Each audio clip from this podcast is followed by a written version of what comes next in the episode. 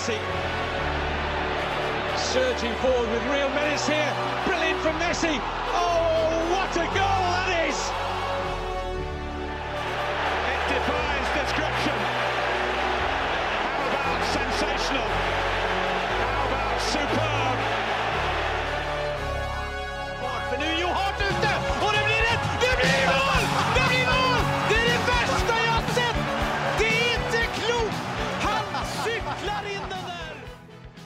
Ja da! Velkommen til episode 184 av den trofaste fotballpodkasten 90 minutter. Jeg heter Thomas Edvardsen, og med meg i studio har jeg som vanlig mannen som tråler kommentarfeltene på sosiale medier etter åg og å-feil, men sliter med gangetabellen fra fire og oppover selv, Mats Granvold. Stemmer, stemmer. og ikke minst mannen som ene og alene er med i denne podkasten for å snikinnføre tyske ord og uttrykk inn i det norske språket, mister Søren Døpker. Guten takk. Guten takk, guten takk. Jeg er veldig glad i orddelingsfeil òg. ja, du er det, Jeg jeg elsker orddelingsfeil. Mm, Pultost. Ja, for eksempel. Mm. Eh, masse sånne ting. Jeg elsker det. Mm. Eh, er det noe grammatikk du irriterer deg over? Nei, egentlig ikke. Uh, prøver å skrive så rett som mulig sjøl, men jeg tenker egentlig at det Så lenge man forstår hva som er ment, da, Mm. så går det greit. Og så er det fint med et punktum her og der. At man Det blir slitsomt med Ja, tekst uten ja. punktum. Det er enig. Eh, Men ellers syns jeg egentlig at det Folk får bare skrive som, som det går. Vi får jo voldsomt mange lyttespørsmål inn, og det, det, det er noen som skriver bare med små bokstaver. Det kan liksom Det får meg til å rykke litt. Eh, ja, jeg skjønner hva du mener. Uh, men nei, det er ikke så irriterende, faktisk. Det er bare, det er bare, jeg tror mye av det bare er slapphet. Ja, ja, ja At eh, folk bare gidder ikke. Du vet hva, vi har et uh, fullpakka opplegg i dag. Vi har så mange lyttespørsmål og så mye vi skal gjennom at vi kan jo egentlig bare give oss i det. Uh, regner med at folka har det bra, altså. Ja. ja fint. Ja, ja. Nei, men da begynner vi med Geir Halvor Kleiva. da. Eh, Hva tenker dere når dere ser at dere får dobbelt så mange lyttespørsmål som Premier League-podkasten til Viaplay? Hæ? ja, åpenbart. Å, fy. Er det en offisiell podkast, liksom? Er det det? Ja, jeg, jeg, offisiell og offisiell, men det er jo rettighet, uh, i, altså rettighetshaverne, da. Ja, ja, ja. ja men det er jo Det er jo artig, er det ikke? det? Jo, det er gøy. Jeg tenker jo at det er supert med engasjement. Vi har jo veldig engasjerte lyttere som kommer med mange mange gode spørsmål, syns jeg. Og det, jeg syns det er gøy eh, å gå gjennom dem før innspilling og se hva man eh, kan svare på, på ting, da. Mm. Men, men, men, men jeg tenker jo, min min første tanke er jo at det er litt dårlig, for de snakker jo bare om én liga. Så vi burde Vi snakker jo om fem pluss Europaligaen, europahjørnet, så vi burde jo hatt kanskje seks ganger så mange. Å ja, sånn ja. Vi Ja. burde liksom fanga alle, ja. Ja, ja. Ja, vi har en jobb å gjøre, rett og slett. Rett og slett en Ja, jobb å ja. gjøre. Vi er ikke fornøyd med dette. Nei, vi må, vi må ta oss litt i nakkeskinnet her, for dette er ikke bra nok, faktisk. Men vi setter ny rekord i dag, faktisk. Ja. Vi har aldri hatt så mange, og det, det, det er jo ekstremt gøy. Eh, jeg er bare så redd for at vi blir en sånn podkast som driver og siler ut. Vi prøver å svare på alle, det skal vi gjøre, og så får vi bare Vi hadde, se hvor det går. Vi hadde jo det så, tidlig, men det er klart når vi lå på sånn seks-sju spørsmål, så var det jo lett. Eh, nå ser vi at det blir litt trøbbel, eh, selv om vi har satt oss som mål at vi, vi vil gå gjennom alt, da. Men eh, da, da kommer vi fort på tre timers lang podkast, altså. Det, det er blytungt. Men eh, vi kan ta gå videre. Finn Jørgen Halvorsen spør hvordan var Gascoigne? Har dere en favoritthistorie han fortalte? Altså, Det syns jeg var kjempegøy. Utrolig underholdende. Det tok jo litt grann tid å bli vant til, til dialekta, syns jeg. Det er en voldsom dialekt med ekstremt mye banning. ja.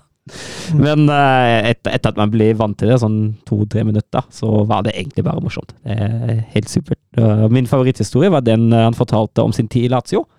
Da de skulle møte uh, var det Napoli og med Maradona dagen etter. Og da var jo han ute på byen uh, og, og drakk og drakk, og slutta vel ikke helt å drikke heller. Og så skulle han, han skulle vel spille mann mot mann mot Maradona, var det ikke? Og så, og så ble han jo merka han jo at han var full, og så ble han skikkelig redd. Og så sto han i spillertunnelen ved siden av Maradona da, og sa åh, Diego, Er så full, jeg er så full. Så sier Maradona bare slapp av, du. Det er jeg jo. Ja, det er en fin, den. Um, jeg syns Altså, det var altså, litt påta, påfallende. Altså, han hadde tydeligvis et ganske nært forhold til faren sin. Mm. Eh, han prata mye om Alle historiene endte ofte med at han har snakka med faren sin. Ja. Eh, og ofte endte jo da historien med at eh, faren kalte han for en fucking idiot. Eh, fordi han var en idiot. Og, og, eh, men historien hans endte som regel på med to setninger. Enten at faren kalte han en idiot, eller at jeg holdt på å drepe han. ja. I, I, I could have killed him. Det var stort sett sånn historiene hans slutta, da. Men jeg syns åpningshistorien hans var, var den artigste. Altså, da, da ble jeg tatt litt på Jeg har hørt mye av historiene før, så det var liksom ikke sånn Men når, når Newcastle eh, Når spilte i Newcastle, og de hadde en periode hvor de sleit, så sier treneren til spillere at eh, I will bring in some new faces. Og da svarer Peter Beardsley Can I have the first one? Because he's so fucking ugly, sa podcast. da ble jeg tatt litt på senga. Den, den så jeg ikke komme. For Peter Beardsley er ikke noe Han er ikke noe smykke, nei. Ja, nydelig, nydelig. Ja, det var, det var mye. Strutsehistorien var selvfølgelig der. eh, En beskrivelse av Haaland som eh, Ja, betegna han som kjekk. Eh, Det var ikke du helt enig i, Søren? Nei, jeg vet, altså, han er jo en, øh, han er jo en øh, fantastisk fotballspiller, men øh, jeg vet ikke om kjekk er det første ordet jeg hadde brukt om ham. I would shag him for his, money. Ja, stemmer det. Mm. Han ville det, så det Men det var en eh, flott uh, seanse, ingen tvil om det. Det var nesten to timer med reinspikka humor. Altså eh, Altså, de hadde en ordstyrer der. Han kunne blitt hjemme. Ja, han hadde ja. Nei, Han introduserte den, og så kjørte Gascoigne showet resten, rett og slett. Og jeg tror det var masse spørsmål han brant inne med, rett og slett. Ja, absolutt. absolutt. Han fikk ikke snakke mye. Og, og selv om det var veldig morsomt, så var det også litt sårbart til tider. Eh, Man kjente jo på de tunge stundene i livet hans også, men han var rask på å gjøre humor av det. Han Så- var på gråten et par ganger der. Mm. Og han fortalte også hvor, at han ikke likte å se så mye fotball lenger, for det gjorde savnet mye større. da. Altså savnet til fansen, savnet til spillet. Altså Dette er jo en spiller som, eh, som er en, hva vi kan kalle et naturtalent. da. Han har ikke trent seg god. Han, han er naturlig god. og det, Jeg tror kanskje savnet eh, viser seg mye større da, når du ser også den rusproblemene han har hatt i ettertid. At det, det er nok mye av, eller noe av grunnen i hvert fall, til at, eh, til at det har gått som det har gått. For kjærligheten hans til spillet, det var det vanskelig for ham å skjule, i hvert fall. Overalt hvor jeg var, så ble jeg kalt a fat bastard, sa han. så åpenbart ikke trent seg god, nei. Men eh, en nydelig kveld, ingen tvil om det. Bjørn Erik Skorge, han eh, drar kvelden vår litt utover, han. Fordi vi dro jo for å se på en fotballkamp etterpå, og da spør han Fortell åssen stemningen på torsdag var når eh, Thomas så Tottenham ledet over City til pause, og kontra et stykke ut i annen omgang. Ja, du var jo veldig tydelig før kampen at dette her var bonuspoeng. Eh, Du så jo det veldig på som bonuspoeng, og du blir jo glad at Tottenham skåra. eh, men du turte vel ikke helt å, stole på det hele etter de 45 heller. Så, og så blir det litt stillere fra deg i andre omgang. Det, det blir det nok. Men altså, det var jo ikke sånn, altså, du var jo ikke sånn veldig høyt oppe, i hvert fall ut ifra. Uh, da Spurs gikk opp både 1 og 2-0, og det var ikke sånn veldig langt nede heller, etter at City snudde. I hvert fall som jeg observerte det, da. Ja, altså, jeg kjenner jo Tottenham. det, er jo, det er jo rett og slett å gå på en Tottenham, det de gjorde der. Ska, skape et lite håp, før du river ned igjen. Det som irriterte meg mest, var han der som satt ved siden av oss. Jeg tror ikke han var City-supporter, men gud bedre, og han håna Tottenham når City skåra der. Jeg heia på Haaland. Ja, han var sånn Haaland-fan. Mm. Åh, det er så Så, sånn har jeg også hatt når Wolfsburg har møtt Dortmund, og jeg har sett de der på pep. Åh, det er det verste. Når du heier på ditt lag, og der borte sitter det en med Ja, nei, nå skal jeg ikke si det. Ja. Han men- blåser jo i trepoenga til City, liksom. Ja, ja, ja. Bare jubla for å håne det. Mm. Da ble jeg litt sliten. Absolutt. ehm, vi går rett over til Premier League.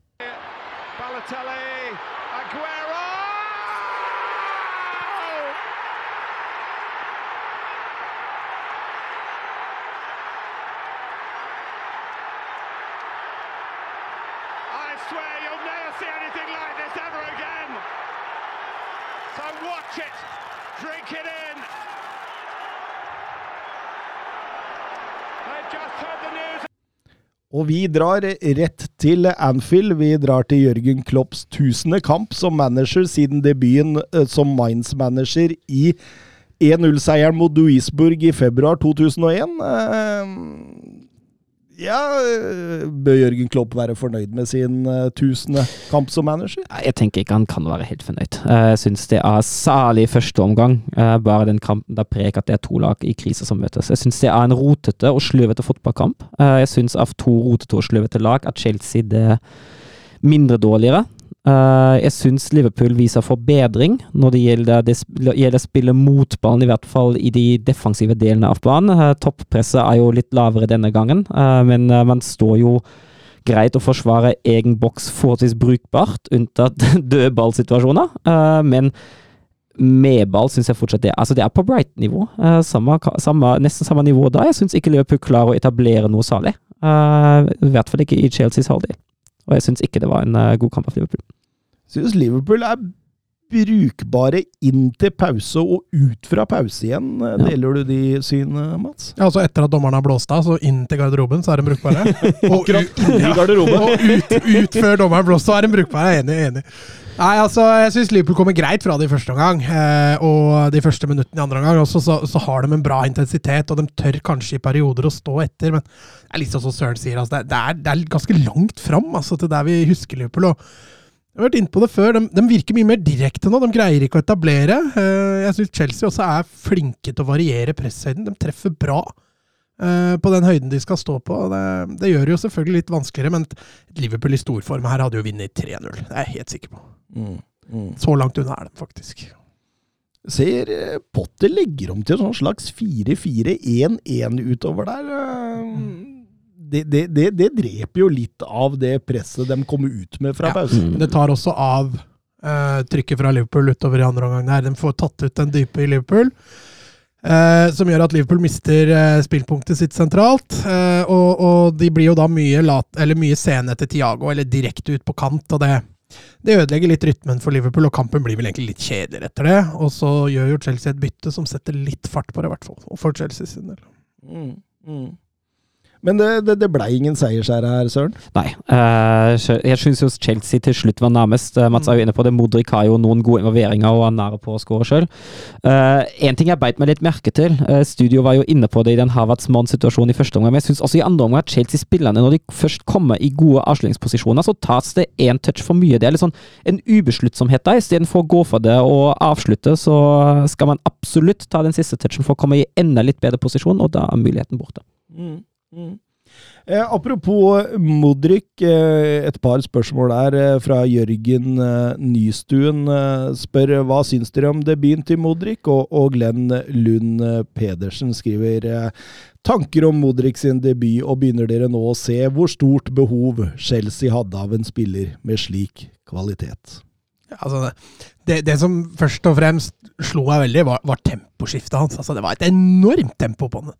Eh, jeg har sett det delvis i Champions League, men det at han skulle gå ut på Anfield og bare fortsette der, det, det overraska meg litt. Og ferdigheten hans én mot én, det har vi sett før.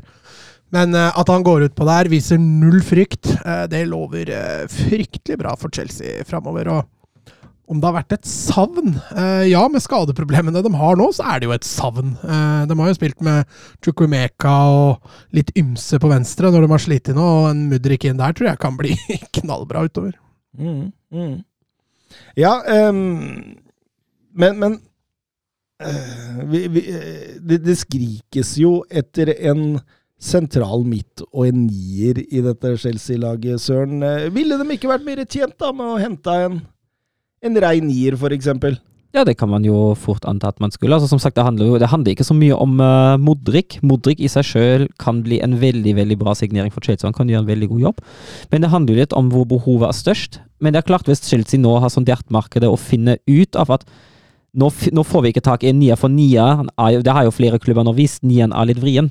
Uh, så er det jo kanskje å foretrekke å heller utbedre en annen posisjon, selv om behovet kanskje ikke var like stort der. Uh, men ja, jeg mener jo absolutt at en sentral midtbanespiller eller en nier hadde vært uh, en fornuftig førstepri for Chelsea. Men, men, men, slik jeg ser det nå, da, så er det altså Mason Mount, Kai Havertz, Joao Felix, Raim Sterling, Hakim Ziyech, Eh, nå kan det godt hende Siertz blir solgt i slutten av dette vinduet, da, men Christian Pulisic og nå altså Noni Madueke, som skal kjempe om de ja, to plassene rundt nieren. Eh, enten om de velger å gå bredt og bruker dem som reine vinger, sånn de kan gjøre med Madueko og, og Modric, eller litt smalere, da med f.eks. en Kai Havertz og en Mason Mount. Eh. Ja, Nå spilte de i andre omgang med en tier òg, så da får de jo tre bak spissen. da, Men Ja. jeg er helt enig, de har fortsatt for, mye, for mange spillere. Og så er det jo en av dem som trolig går inn som nier. Mm. Ja, en av dem vil jo sannsynligvis gjøre det, for du kan jo ikke stole på Aubameyang og, og, og Fofana allerede. Men, eh, men det er jo litt sånn ah, Nei, det, det, det er litt vanskelig, det der, der. Men jeg tror jo la, for, for, for Chelsea som lag, da, å kunne hente en Gonzalo Ramos som en nier, så hadde de blitt bedre akkurat nå. Men som Søren så fint er inne på, Eh, det handler jo ikke om Modric. Eh, vi alle har jo sett talentet hans og skjønner at eh, han hang høyt. Så, så, men, men, det handler mer om Men, men la oss si dem Hørt noen rykter om at de ikke er helt ferdige, at Caicedo kan fortsatt komme inn, at Enzo Fernandes kan fortsatt komme inn. Og hvis de får den i tillegg, da, da har de dekka mange huller i dette laget sitt. Ja. Og ja, det er jo klart det, når du bruker så mye penger, så så må du jo kunne dekke noen hull. Man har brukt litt. Det var virkelig. Og, og, det leder jo også videre til neste spørsmål fra Gustav Horndal. Ny spiller til Chelsea, Madueke. Dette kan jo ikke gå i forhold til FFP. Åssen smutthull har de funnet i lovverket som gjør at de kun får en liten bot i 2024 en gang? Men uh, FFP-reglene er jo i ferd med å bli fasa ut. Uh, nye regler under nytt navn uh, kom fra Uefa i sommer. Tror det skal hete noe sånt som Financial System Ability Regulation. Så vi kan jo kanskje kalle det FSAR fra nå av. og om uh, mulig så virker nå regla enda mer innvikla, og mer innvikla betyr jo veldig ofte også at det er mulig å finne utveier og smutthull rundt dette. Men eh, grovt fortalt, eh, du skriver av den totale summen, altså summen for overganger, agenthonorar, lønn osv. Eh, alt eh, av utgifter som går til den spesifikke overgangen, eh, på antall kontraktsår. Så det eh, la oss, Hvis jeg skal forklare litt, da kan man ta f.eks. Mudrik. Eh, totalpakken der er jo på 100 millioner euro. Eh, et betalt eh, agenthonorar pluss lønna hans over 8,5 år. Eh, det betyr at man kan fordele utgiftene på den totalpakka over de 8,5 åra kontrakten går på. Eh, noe som gjør at Mudrik isolert sett koster i forhold til det nye FFP-systemet, eller FSAR, som vi kan begynne å kalle det, ca. rundt 15 millioner euro per kalenderår. Mm. Dette er jo cirka-tall, selvfølgelig, men dette blir jo småpenger. Um, ved å gi lange kontrakter så vanner man altså ut utgiftene, og dette har Uefa allerede lagt merke til. Og nå er det snakk om at de skal sette en grense på femårskontrakt. Men åpenbart så skal ikke dette ha noe tilvirkende tilbakekraft. Eh, forhandla er forhandla. Men så vil det jo bli en risiko, da. Hvis man sitter på mange spillere på åtte-niårskontrakter, jo flere av det, jo mindre handler om i fremtiden, og særdeles i en klubb som kjenner Bogarde-saken. Eh, men det finnes mange flere regler rundt dette også. Eh, en av dem er f.eks. at det går på kalenderår istedenfor per sesong og at klubbene ikke kan overskride 70% av, mer enn 70% av inntektene sine. Eh, dette blir en innkjøringsperiode, selvfølgelig, siden de aller, aller fleste klubbene er langt over 70 i dag. Mm. Hva tenker dere når dere hører dette? Jeg tenker jo at hele FFP fungerer jo absolutt ikke, og det skyldes jo, det skyldes jo de smutthullene som finnes. Det skyldes at Uefa ikke makter og eller ønsker å virkelig går hardt ut mot, folk, eller mot klubber som bryter regelverket. Og altså Det er jo egentlig bare å skrote. Det funker jo åpenbart ikke. Har jo ingen innvirkning på noen klubber. Men FSAR, da? Skal vi ta dette godt imot, Mats? Ja, altså Det er jo bare å se f eh, tallene for hva som er kjøpt nå i dette vinduet her og siste åra. Det er jo én liga som skiller seg veldig ut. og Skal man Altså Premier League det, det sier seg sjøl, det er en, klubb, en, en, en, liga som drar inn mye mer penger. Både sponsor, TV-penger, alt sammen. Eh, gjør at klubbene der har mye mer å rutte med. Og skal man greie å jevne ut sånn tålelig da, eh, i forhold til de andre ligaene, sånn at ikke dette skiller seg fullstendig, så, så må man jo gjøre noe. Eh, jeg tror jeg har sagt det egentlig for flere år siden også i den podkasten her, at eh, med tid og stunder nå, England kommer til, å, kommer til å dominere fullstendig. Tror jeg du sa i episode én. Ja, jeg tror jeg faktisk jeg sa det. Eh, og, og det, er dit, det, er jo dit, vi går, og det, det, det, er ikke så vanskelig å se det. Nå skal det vel sies at Chelsea har vel stått for brorparten av alt som er blitt kjøpt inn i England, men eh, når du sammenligner med de andre landene, så er det, det er, så enorm forskjell. da. Eh, og, og, enn så lenge så klarer de største klubbene i Europa å konkurrere med, med de engelske klubbene, typ, typ, Bayern, Real Madrid, eh, PSG, Barcelona. Ja, kanskje Barcelona var et dårlig eksempel, men uh, Ja, Så får vi se hvor lenge det varer. Men de ser jo altså til og med Real Madrid kan jo ikke splatte lenger. Uh, Bayern har som regel maks ett, kanskje to storkjøp i året. Så, så, der også bremser det naturlig. og det, det er en litt sånn skummel utvikling med tanke på den internasjonale fotballen. For den engelske fotballen er det jo selvfølgelig gull. De, de styrer jo hele hegemoniet, dem. Men hvis du har mange spillere på en sånn kontrakt, så etter hvert så vil jo handlingsrommet ditt blir mindre. Det, det, det mm. sier jo seg selv. Så klart, men hvis du selger de spillene igjen, da, mm. så kan du øke handlingsrom. Men ja, det er jo en risiko der. Ja, for hvis man treffer på overgangen, da, og kanskje selger den til dobbelt, dobbelt pris, så, så, øker man jo både inntektene sine, som igjen gjør at du kan ja. bruke mer utgiftsmessig. Altså, sånne overganger da ødelegger også markedet fullstendig. da. Eh, som, som, ødelegger for da, eh, klubber som Bayern og Real Madrid og alle andre. da, Når, når de engelske klubbene kan overgå dem såpass mye da, på spillere som egentlig ikke har slått gjennom internasjonalt engang. Eh, så, så det er en litt sånn skummel utvikling når det gjelder det der eh, du nevner der, med at dette vil gå ut over tid. Altså På åtteårskontrakter da, så vil jo en spiller koste Mudrik videre nå, neste år vil jo koste tre milliarder, ikke sant? Eh, så det er ingen som kommer til å kjøpe han. Så Chelsea blir jo sittende inne med mange av disse. Det fins vel smutthull i det nye verket òg, tenker jeg. Det gjør nok det. Skriver de 20-årskontrakter, da? ja, det er vel det Uefa nå er inne på, å sette en grense på fem år. Eh, og det syns jeg virker klokt, men gjort er gjort. Altså, så har jo Boiley der klart å på en måte lure det nye systemet, da. Eh, ja, altså Kudos for å få han til å signere en 8,5-årskontrakt. Altså. Det er lang tid. Ja, ja. ja. Får sikkert ikke dårlig med lønn. Nei da, han, han, sulter nok ikke, men uh... så, er, så, er, det veldig lite som tilsier at Chelsea kommer til å bli en sånn ja, et parentes i europafotballen i de ti neste åra. Han skjønner at her spiller jeg på et av de beste lagene i Europa, sannsynligvis, over, over tid. Så men, men, du Mats, du var inne på det med å ødelegge markedet, og Fredrik Konradsen har skrevet Neymar satte ny standard på spilleoverganger i sin tid. Kan Modric-avtalen ødelegge markedet på samme måte? 100 millioner rett fra Ukraina er utvilsomt en ny barriere. også.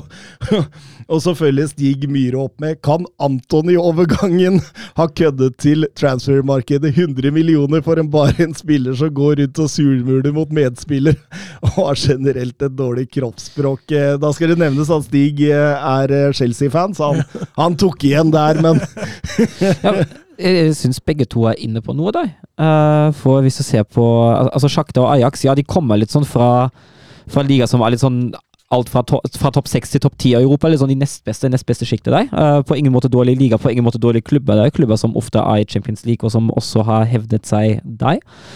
Uh, men samtidig, altså nå veit jo de klubbene at for de største talenter, så er det et marked i Premier League. Det er et marked hos de rikeste klubbene. Så at de får solgt de, som Mats er inne på, eh, til billigere penger til, til, klubber fra Spania, Tyskland, Italia, det tror jeg ikke skjer med det første. Også. I hvert fall ikke de aller, aller største talentene. Det er nesten sånn at man venter på en Premier League-klubb som kommer og kan ja. splæsje de penger. Det er klart Shakhtar heller vil selge til, til, Chelsea for 100 millioner enn til Real Madrid for 70. Det, det sier seg sjøl. Så, så, det er jo et annet aspekt av det igjen. ikke sant? Med at uh, Nå sitter jo klubbene nesten og venter på at det skal komme en Premier League-klubb, for da får de mer penger. ikke sant? Men så stiger jeg inne på, da, Shakhtar dro jo hele tiden på dette argumentet med at Mudrik er bedre enn Antony. De fikk 100 for Antony omtrent. Da burde vi få 100 for Mudrik. Det, det, det er jo en det er jo en logikk bak det, i hvert fall. da. Ja, men det er jo ikke bare kvalitet på spillerne som spiller inn. Eh, ting som kontraktslengde, hvem som, uh, hvem som kjøper, hvem som selger. Hvor lenge har man prestert? Ikke sant? Uh, alderen på spilleren, uh, situasjonen i klubben, kanskje vil den vekk, kanskje vil klubben kvitte seg med alt, uh, andre interessenter, hvordan er markedet for spilleren, alt det spiller jo inn. Mm, mm. Og så var det litt forskjell. Å kjøpe en spiller fra ukrainsk toppserie kontra nederlandsk. Det bør egentlig være litt rimeligere. Jeg, jeg, jeg, jeg, jeg måtte inn og sjekke det. Og, og fra Sjaktar, da. Fred kosta nesten 60 til United. Ja, Det er faktisk litt sjukt. Ja, men han, han, gikk jo som, han var jo på den tida en offensiv spiller. Han gikk jo som en offensiv spiller. Ja, og, og, og jeg, jeg, ser jo det at uh, Sjaktar ønsker 30 nå for uh, Mykola Matvienko, en 26 år gammel stopper nå fra Brighton, som, som Brighton er interessert i. 30? Altså det, det, det, man, man, har jo kommet til en ny tid. altså Ajax er jo mer kjent med dette. De likte de Jong. De gikk jo for rundt hundrelappen, begge to. Eh, men eh, Og, og, og Sjaktar, eh, på mange måter en ganske Altså en, en, stor klubb i en liten liga. En liten, liten lekeplass de driver med der, men, men, en stor klubb. Kanskje på størrelse med Ajax på mange, mange parametere. Men eh, likevel det det, det, det det, høres rarere ut å hente for 100 millioner fra, fra Ukraina enn de gjør fra, fra Nederland. Mm. Så som en ødelegge markedet og ødelegge markedet, går an å ødelegge noe som er ødelagt? Det er jo ødelagt. Ja, ja. Det er, ja, det er for så vidt helt riktig. Men, og spinnevilt har det jo også vært lenge. Så nei, det er kanskje sant. Å ødelegge noe som er ødelagt, er litt vanskelig. Vi går over til Manchester City Wolverhampton. Det var et City-lag som snudde 0-2 til 4-2-seier mot Tottenham i midtuka. Og, og, nå kom Julian Lopetegi som neste utfordrer. Og alle som kjenner Julian Lopetegi, skjønner jo hvilken inngang han vil ha på Etiad. Ja, og det var defensivt. Det var å skalke luken og holde City lengst mulig unna eget mål. Uh, jeg syns City løser det bra. Uh, City styrer jo den kampen fullstendig. Uh, City er veldig veldig tålmodige. Det tar litt tid før de begynner å skape sjanser, men når de først begynner å skape sjanser, er de også forholdsvis store. Og City spiller jo den typiske City-fotballen som vi kjenner.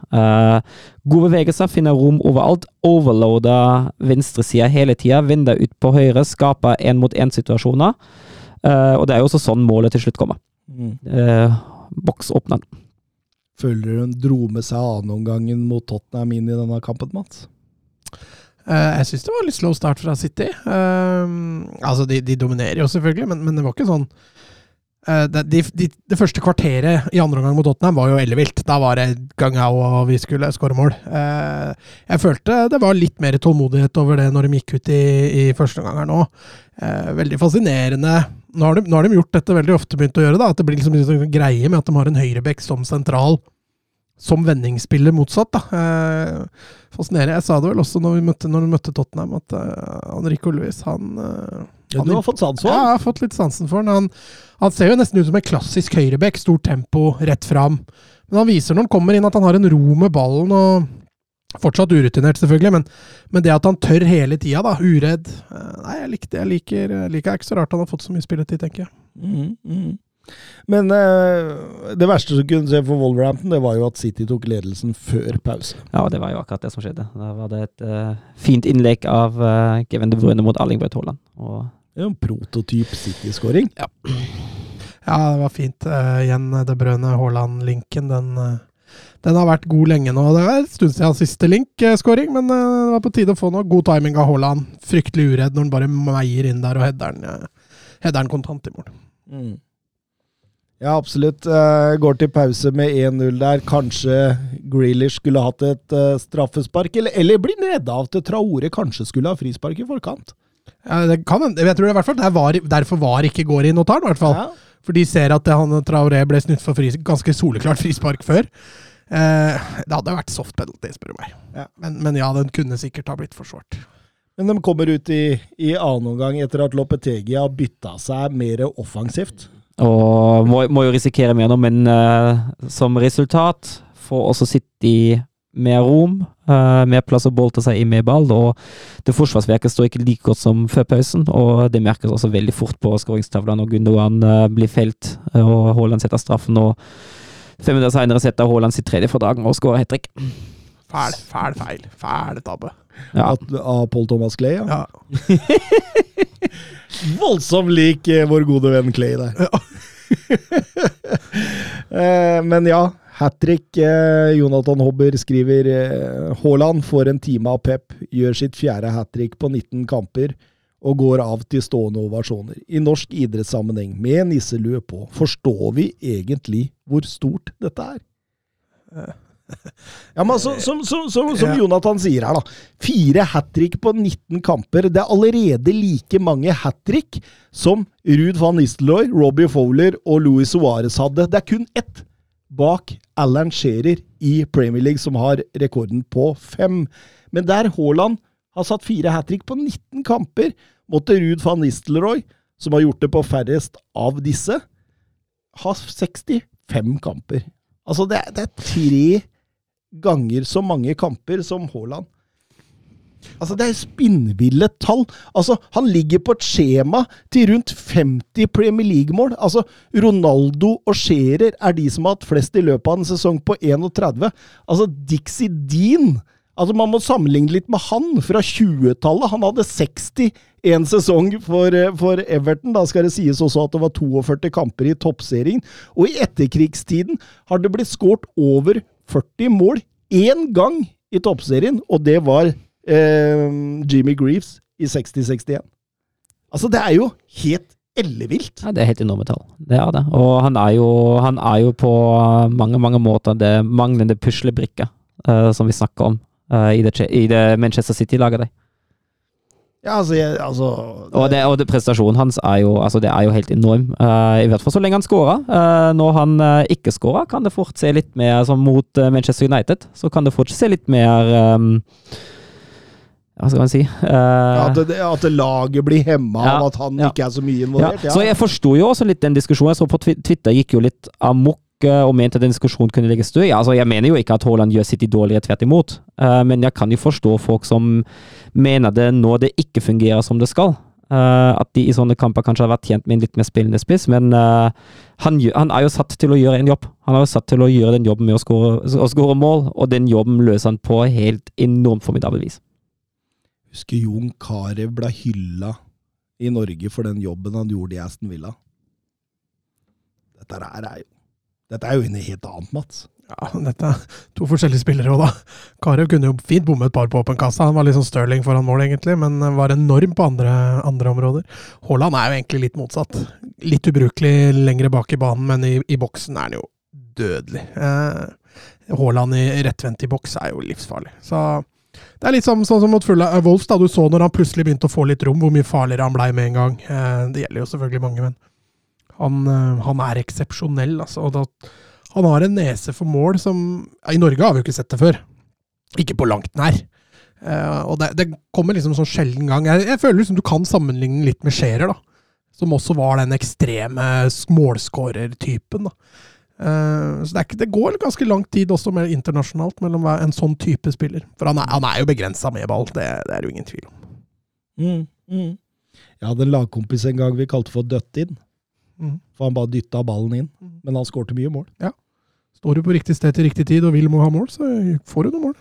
Men med 3-0 her, så er jo City ja, De kunne i hvert fall legge press på Arsenal, som eh, tok imot Manchester United til rundens storkamp. Dette var jo altså to lag i ekstrem form. Det var bygd opp til en sånn skikkelig storkamp òg, sånn at eh, tankene vandra jo egentlig mot Roy Keane og Patrick Vieira og Nud, Ruud van Nistelrooy, ikke Nud van Nistelrooy. Og Martin Noan! men, men det er klart, Manchester United kom dit med et ankepunkt. Eh, Casimiro var borte. Det Jeg så det var en som la ut på, på Twitter at United hadde kjøpt en ny spiller. Det var bilde av Casemiro med bart, og så var het han Casinho. Han var spilleklar til Arsenal-matchen! Så de Nei, du så jo det. Altså, det Fred Mac Casemiro. Ja, det var noe sånt. Nei, det er, kjempe, det er selvfølgelig et kjempetap, spesielt defensivt. At McTominay kommer inn der for, for Casemiro. Det, det, det er som du sier, det er et ankepunkt. Jeg syns allikevel United løser det ok, spesielt i etablert forsvar. Eh, Men, men det, er et, det er et tap når du mangler støvsugeren din, spesielt når du går offensivt. altså. Jeg, Ja. jeg syns jo Arsenal starter den kampen forrykende. Går ut i 100 som så mange ganger før. Blitt et varemerke. Ja, det har jo det. Uh, legger et voldsomt press på United, som uh, i den første tida ikke kommer seg ut av egen banehalvdel engang. Uh, presse og, egenpresse sitter ekstremt bra hos Arsenal. Uh, men det skal sies, når United først begynner å komme seg ut, eh, etter hvert eh, klarer de Altså, de slår, jo, de slår jo litt langt, og Verhos blir jo litt viktig i den fasen, for han er, han er jo en spiss man faktisk kan slå langt til, og når han kommer møtende eh, og tar imot ballen feilvendt, så er han også nyttig i frispillingsfasen for United, for han kan faktisk ha den rollen der. Eh, og United klarer til tider å komme seg forbi, og når de først kommer seg forbi, så står de også godt etter å sette et brukbart gegenpress. Eh, godt hjulpet av at Arsenal synes slurver litt mer frispilling nå enn vi er vant til resten av sesongen, men jeg skal ikke ta fra United noe av det gode presset som til tider settes. Jeg er enig. Det var United synes jeg er et av lagene som har håndtert det bedre når det gjelder Arsenal sitt høye press. Måten de både som du sier, bruker Vegårs, men måten, måten altså hvordan de greier å ha bare to pasninger før Arsenal får satt presset, sånn at de får to breddespillere. Enten oppå Vegårst og brett, eller rett ut brett. Eh, fungerte jo altså Det var som Søren sier, altså de ti første minuttene så sliter de litt, men når de først finner ut av det, så syns jeg United er en av de som har håndtert det høye presset til Arsenal best denne sesongen. Ja, og så så du også Arsenal tok så hensyn til Rashford at de pressa ikke med begge bekkene, slik de normalt sett gjør. De sto stort sett igjen med Ben White. Og han fikk et tidlig gult. Mm. Og havna på etterskudd en del ganger. Ja, jeg tror det var fornuftig å ta ut Ja. Men det er, jo klasse, det Rashford gjør på 0-1. Ja, ja, ja. Altså, den luka, det er luka, den dragningen han drar først der, og så bare setter han full guffe innover i banen. Eh, Det går to løp foran han som også får oppmerksomhet, og det åpner jo for Rashford. Og avslutningen er jo er ikke så mange i, i, i internasjonal toppfotball som gjør en sånn avslutning strak rist, og som dupper. Han stiger bare to halvannen meter, og så dupper han ned og spretter rett foran keeperen. Utrolig vanskelig skudd å få til. Eh, og får det til i tillegg med den krafta han gjør, og den presisjonen. Klasseskåring. Rashfords niende mål etter VM i alle turneringer. Han er i fantastisk form, men det er ingen i Europa som skårer mer enn Nei, jeg var vel inne på det i siste episode, at han, han har en ellevill form nå. Selvtilliten er der den skal være. og Han må bare spille, han, så lenge kroppen holder. Men Eddie Nketia Nketia. Nei, altså, det er jo en fin bevegelse mot Van Bissaka. Det hjelper jo at det er mot Van Bissaka òg, da. ja, Eh, jeg, jeg tenkte faktisk det samme der. At eh, ok, Van Bissaka har vært bra nå, men der sånn Ja, men Der var det malplassert, da. Plutselig var han venstrebekk. Jeg tror ikke han Det var ikke der han skulle være. Nei, men det er jo Det kommer jo etter en, Ja. eh, etter en dødball. Ja da, Men, men framspillet ditt også er veldig bra, fordi de spiller, blir jo først, de spiller seg først tilbake igjen. Mm. Og så kjører de nytt angrep. Inn i midten, ut på kant, rundt, og et godt tima løp av Nketia. Så er det jo selvfølgelig som dere er inne på, altså Fambisaka har jo ikke kontroll på noen ting som er rundt seg der. Eh, Resten av omgangen er litt sånn Arsenal har mer ball, men United ligger og hugger på dem hele tida, så det, blir veldig åpent. Nei, jeg tror eh, Det er som jeg sier, altså United, et av de bedre lagene til å ta av det første presset dem, som gjør at Arsenal blir mye mer sårbare. Det gjør at Ben White havner oftere på etterskudd. Eh, og med den farta og spisskompetansen de har med Rashford, da hadde de hatt en høyrekant også, da, som hadde klart å Da hadde de fått et helt annet trusselnivå Ja. å forholde seg til. Uh, I stedet for så, så blir det jo liksom Tar du ut Rashford og pasningsfoten til Fernandes, så stopper du det en del. Og det, det syns jeg Arsenal etter hvert begynner å få til bare bedre og bedre. Du deler mine tanker der. Jeg satt under matchen, og så tenkte jeg Hadde de hatt Casimero her, og én Altså en, en, en klarere kontringsspiller på høyre, la oss si Jaden Sancho i form, så, så, så tror jeg kanskje de hadde kunnet vinne det der. Jeg tror de hadde vunnet. Mm. De, nå hadde de jo egentlig bare enten å spille Vegårs eh, feilvendt eller Rashford rettvendt. Det var alternativene de hadde. Uh, Anthony var jo nesten ubrukelig. Uh, så hadde de liksom hatt ett spillpunkt til der framme som gjør at de hadde fått flere alternativer oppover i banen, så tror jeg det kunne blitt mye farligere. Oftere. Bør DGA ta 2-1-skåringen til Arsenal? Eh, ja, jeg syns ikke den var uttakbar. Det er langt hold, altså. Langt hold, ja. Enig. Ja, han er jo dekka, Ja, ja. så du ser han bruker lang tid på å reagere, for han ser jo ballen for seint. Det er klart, DGA har en enorm rekkevidde, altså, så man, man tenker jo det at man kanskje burde ta han, men jeg karakteriserer ikke det som en tabbe, Hvertfall. Nei, jeg sier ikke tabbe heller, men jeg tenker uttakbar var han ikke. På en god dag kan han finredde den. Men eh, når eh, Lisandro Martinez setter 2-2, det var kanskje en keepertabbe, eller? Det var en keepertabbe. Eh, eh, Ramsdale går ut og skriker 'gi har'n', og så har han ikke det. Så da, da blir det Men bra satt da, av Martinez. Bare en presisjonsheading eh, av, av høy rang. Men, men eh, Ramsdale fikk jo masse skryt av, kom, av kommentatorene, med rette. Han har vært fantastisk i år, og det er, det er litt sånn utgjort da, at når du, når du er på de fremste, så kommer det tabba til slutt. da. Eh, Ramsdale tror jeg er såpass sterk mentalt at han tror jeg går bare på en ny rekke nå med, med godt keeperspill. Uh, så er kanskje feltarbeidet der han er svakest. Det er kanskje der han har mest å hente. Men Arsenal, eh, Søren, de begynner å ta mer og mer styringa etter 2-2. Det ser Ten Hag bytter inn Fred for å få litt støtte ut eh, venstre der, for der sliter de voldsomt Mm. med en Saka som virkelig fant formen utover i, i omgangen der. Ja, jeg synes altså, I starten av kampen var det jo kanskje venstresida som var mest aktiv for Arsenal, men Saka rev til seg den kampen mer og mer. og Det ble egentlig etter hvert farlig hver gang han var, han var på ballen. Få så inn som stopper, tenkte jeg. Nei da, stopperparet hadde bra kontroll, de, men så sleit veldig utover Ja. kampen der. Og han kunne jo fått gult kort tidligere òg. Eh, hadde han fått det, så hadde det jo vært, eh, vært fare på ferde. Men, men eh, det at han ikke får det gule kortet før litt seint, det redder nok at han er på banen så lenge som han er også. Eh, men altså, det siste kvarteret til Arsenal her, det er enormt, altså. Ja, Mm. det er. For et trykk de klarer å skape. De trøkker dem helt inn i boksen, er på alle andre baller. Og gode valg når de skal uh, prøve å, å kjøre nytt gjennombrudd. Uh, veldig fascinerende siste kvarteret til, til Arsenal. Selv om de, de kunne kanskje ha skapt litt større, flere sjanser, men når du har mangler den fysiske trusselen i boks, da, uh, så skjønner jeg at de gjør som de gjør. Men jeg syns det, er, jeg synes det var veldig fortjent når Arsenal fikk den siste skåringa der.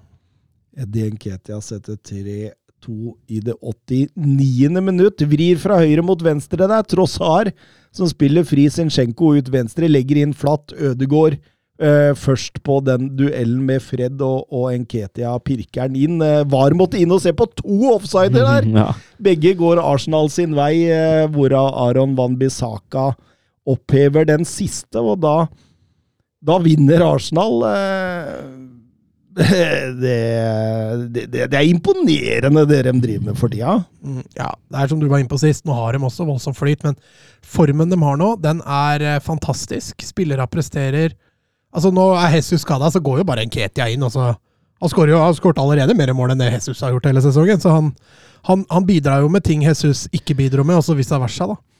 Så, så det kompletteres veldig bra, det er veldig gøy å se på Arsenal. Veldig fascinerende. Eh, høye presset som Søren er innpå, eh, det har de perfeksjonert.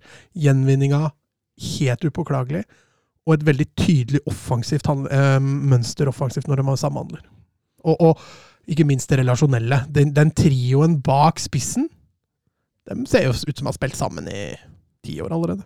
Det er jo et par storlag som må nærmest vinne Europa League. Jeg tenker på Juventus og Barcelona, men de kan få det tøft med dette Arsenal-laget. Altså, de seiler opp som en, en favoritt til å vinne den etter hvert òg. Ja, ja. Åssen det har blitt prestert nå, så er det jo ingen tvil om at de er favoritt, spør du meg, hvis de satser på Europa League, da, vel å bemerke. Eh, hvis du tenker på at de må vinne pga. Champions League, så klarer vel Barcelona i hvert fall å- en Champions League-plass, selv om de ikke vinner Europa League. Men for Juventus er det jo verre, da. Det kan jo Skal de ha Champions League neste år, så kan faktisk Europa League bli det viktigste, Ja, faktisk. faktisk.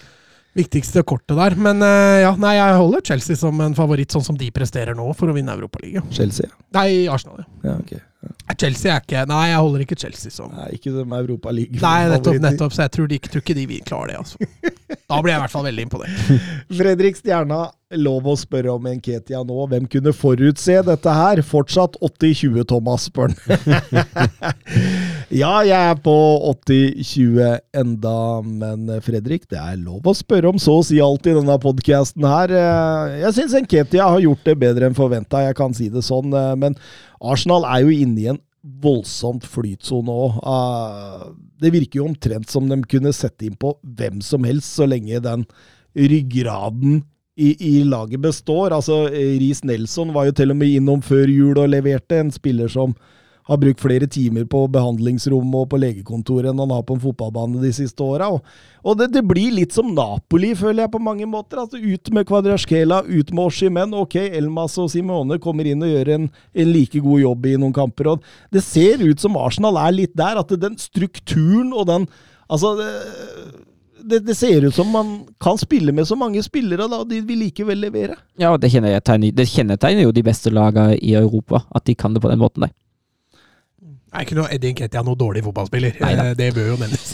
De har ikke satt inn på maskotten sin, liksom.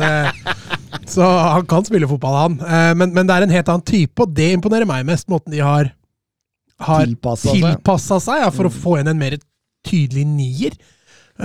Og så masse kudos til Nketiah. Han har skåret mer mål enn jeg trodde han kom til å gjøre. 18 mål i alle turneringer på sine 26 starter for Arsenal. det, det er spinnvilt. Flopp om ett og et halvt år, Edvardsen. Flopp om ett og et halvt år. Torjus Hansen. Eh, begynner å bli en del kritikk rundt Arteta og oppførselen hans på sidelinja nå. Hva tenker dere om det? Jeg syns uh, Klopp har vel fått uh, litt huden full i den podkasten her tidligere. Jeg syns Arteta kan også få huden full. Uh, jeg syns det hører seg ikke. ikke altså det å, det å, være engasjert, det er vel og bra, men det fins en forskjell mellom det å være engasjert og det å være på den måten der som Arteta er. jeg tenker at dommeren har verktøy med gult kort, gi det det gule kortet, og hvis han ikke gir seg, utvis han. Han virker ivrig nå på å si Lydia der. Altså, jeg, jeg, altså, jeg, jeg, er litt sånn at uh, Altså, ufin oppførsel, tenker man da eh, Sutring mot dom, er det det man mener? Det er, det, det er mye mot dommere, mm. det er mye mot motsatt benk, og det er en del uh, på en måte henvisninger til dommeren om at han skal ha gult og han skal ha gult. og Han, han, mm. han har blitt litt sånn, da. Det er det, ja, det kritikken går på. Og det er jo ikke helt heldig, men engasjementet der, det må, må man jo bare hylle. Så du den spurten han hadde mot fjerdedommer der? ja, ja det, det, er noe Kloppskov det, altså. Det er det.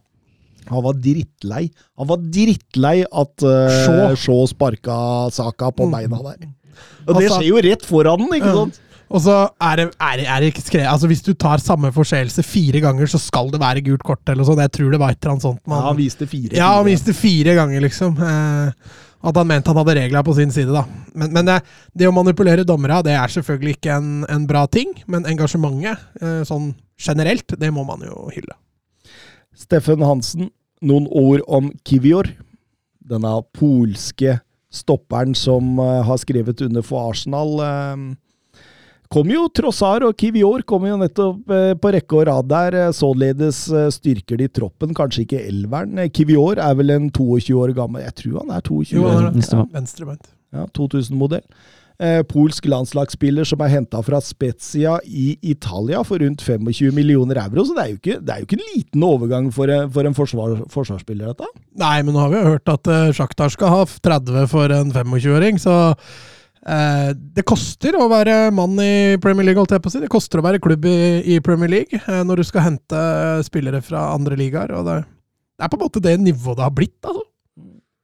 Er vel flaska opp i, i Anderlecht-akademiet. Så dro han videre til Slovakia, før Spezia betalte to millioner euro for han i, i 2021. Spilte seg raskt inn på laget i Spezia og utvikla seg til en bra stopper i Spezia.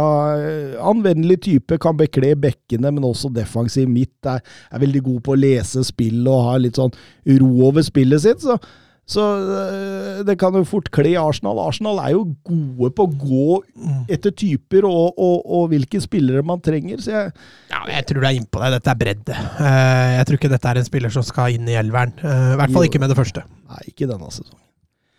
Ehm, Magnus Fjell, Harry Kane til United, forutsett at United tar Champions League og Spurs ikke. Argumenter for og imot sannsynligheter. Styret i United har hatt den høyt på blokka i mange år, og han vil kun spille Premier League. United har råd. Ingen andre i Premier League er vel aktuelle. United har pengene. Pris perfekt for Ten Hag. Ja, altså det, det, han sier stemmer jo. Uh, jeg tror det som er viktig for Kane, er hva er planen videre med Tottenham? Uh, hva er veien videre da? Hva tenker man videre skal Konto fortsette? Hvis Konto skal fortsette, hvordan, hvordan tenker man man skal bygge opp laget til å bli en seriøs utfordrer om titler? Uh, jeg tror Kane har veldig lyst til å vinne en, en eller annen trofé før han legger opp. Men han har mye mer lyst til å vinne det med Tottenham enn det. med et annet lag. Jeg er enig med deg i det, men jeg tror ikke nødvendigvis at han har altså, Jeg veit ikke hvor langt den lysten strekker seg, da. Det er liksom det som er spørsmålet. Ha, altså, Åpenbart uh, kommer nye rapporter nå om at han uh, har lyst til å sette seg rundt forhandlingsbordet. Ja, det, og det er jo greit nok, det. Altså, hvis vi kommer til enighet, det har vært kjempebra for Tottenham. Men Altså, eh, altså Enik og Levi, da. Bare tenk deg dette scenarioet, Søren. Eh, man snakker stadighet om at Enik og, og Daniel Levi har en synkende kurs hos Tottenham-supportere. Ja, det sant? hørte man jo. Ja, altså, det, det, det hørte man på slutten av kampen mot Fulham, ja. Eh, det ville vært en katastrofe for dem å selge Kane under kontrakt til sommeren. Eh, nå som Kane har også sagt at han er åpen for videre spill i Tottenham, og vi diskuterer ny kontrakt med klubben. Eh, I det lys av å selge Kane under kontrakt vil skape så stor harme, eh, så den prisen vil nærmest være kunstig høy. Jeg tror ikke de tør egentlig å, se, å, å selge den i forhold til, altså kunstig høy i forhold til hans alder da, og, og hvem kjøperen er, og kontraktslengde og, og, men og, har, og diverse. går, går ikke kontrakten ut etter neste sesong? Jo. Mm. Ja. Eh, og så må man huske også det, at Daniel Levi har sagt ordene 'Jeg skal aldri selge en spiller til Manchester United igjen' etter Berbatov-dealen. Han, Ja, eh, men altså, fotball, fotballspillere, trenere og sportssjefer de, de ytrer mye rart som er glemt. Men du veit Daniel Levi? Jo, jo, jeg vet Daniel Levi. Jeg bare sier at hvis Men du veit også hvordan type han er. If the price is right. Ja, men det er det jeg, tror, det, er det, det, det jeg ikke tror. Jeg tror nesten ikke du kan kjøpe den for penger i sommer. Finne noe annet å kjøpe den for, da. Men tror, tror du Daniel Levi sier nei til en kunstig høy sum for å la han gå gratis året etter? Eh, ja, men jeg tror ikke den kunstig høye summen tror jeg ikke Manchester United er villig til å betale. For her, her tror jeg vi snakker fort om 1,5 milliard, 2 milliarder for en som blir 30. Ja, det kommer, Jeg, jeg, tror, jeg, tror ikke, jeg tror ikke de kommer til å, til å gå med på det, og, og, og, og, og da kan den i hvert fall si som eier av klubben at eh, ok, vi prøvde så lenge det varte, men han ville ikke skrive under. og Kan hende Chelsea kommer på banen her da, med en 13-årskontrakt til Kane og, og payer opp de to milliardene. Kan hende. My name is Paul Boiling. I heard about Harry Kane and I need a striker. Nei, det er jo flere klubber som har rasla med sablene rundt Kane. og Bayern München har vel eh, interesse fra Tyskland nå, så Ja, man er så opptatt av den Scherer-rekorden at eh, Som Magnus Fjell er inne på her. Han er jo opptatt av å vinne nå også, da. Så, altså United sånn sett akkurat nå er jo på en kurve oppover, mens Tottenham er på en liten kurve nedover. Eh, men, men sånn som det ligger an akkurat nå, så ligger jo ikke United an til å vinne noe fryktelig mye mer enn Tottenham de neste to-tre åra, i hvert fall. De er ganske lik kurs ja, akkurat nå. Ja, eh, så Nei, det er nok et vanskelig, vanskelig valg å ta også for Harry Kane, men hvis valget står mellom Tottenham og United hvis lønna er noenlunde lik Tror, eh, tror kanskje hadde jeg vært han, så hadde jeg blitt i Tottenham. Det, det virker Altså, rapporten har jo aldri vært lysere rundt en ny kontrakt, eh, Conte eller ei, egentlig, enn det han er med, med Kane nå. Det, det sies at han elsker klubben så høyt, da. At, uh, at det, det, det vil være vanskelig for han å dra. Ja, ja, altså Jo jo, og det er fint, men da har han jo gjort helomvending fra et og et halvt år siden da han så gjerne ville til City, da. Mm. Mm. Ja, ja, men det har han jo gjort. I så fall, da. Hvis alt dette stemmer. Det er jo Det er jo mye spekulasjoner der ute, mener jeg. Altså jeg tenker jo altså hvis, hvis Tottenham får til at Harry Kane ligger opp i Tottenham, er jo det fantastisk for klubben. Ja, og det er fantastisk eh, Altså, han vil jo bli en av de siste, tenker jeg. Altså, Steven Gerrard når han sa nei til Chelsea i sin tid. Han vil jo bli en av de siste, tror jeg. Um, apropos Tottenham, vi får gå, gå dit, da. Craven Cottage. Um, ja. Ja, klassisk eh, Tottenham-start, er det ikke? I første 30-35? Er det ikke sånn typisk som vi har sett Tottenham så mange ganger i første omganger nå uh, i det siste? Jeg syns jo Fulham, eh, Fulham gjør det bra. Tottenham sliter jo med Fulhams høye press, og da også gjenvinningsspill. Uh, Palinja sentralt i banen er jo enormt viktig. Eh, han er jo en magnet i beina. Han, eh, han gjenvinner jo nesten alt som kommer hans vei. Eh, og det er også Fulham som eh, ikke, Skaper ikke voldsomt, men det er et, det er et par gode muligheter der. Men uh, Spurs skal ha at kontrollen i boksen i den kampen her er bedre enn man har sett på lenge. En ting jeg tenkte på underveis der eh, Kanskje det ser ut som Tottenham har blitt litt for lite direkte når de møter sånne typer lag. Altså, eh, kan man bruke bakrom mer? Altså rommet mellom stopper og, og back? Altså prime Kane-sonen-tida, husker du? Vær direkte.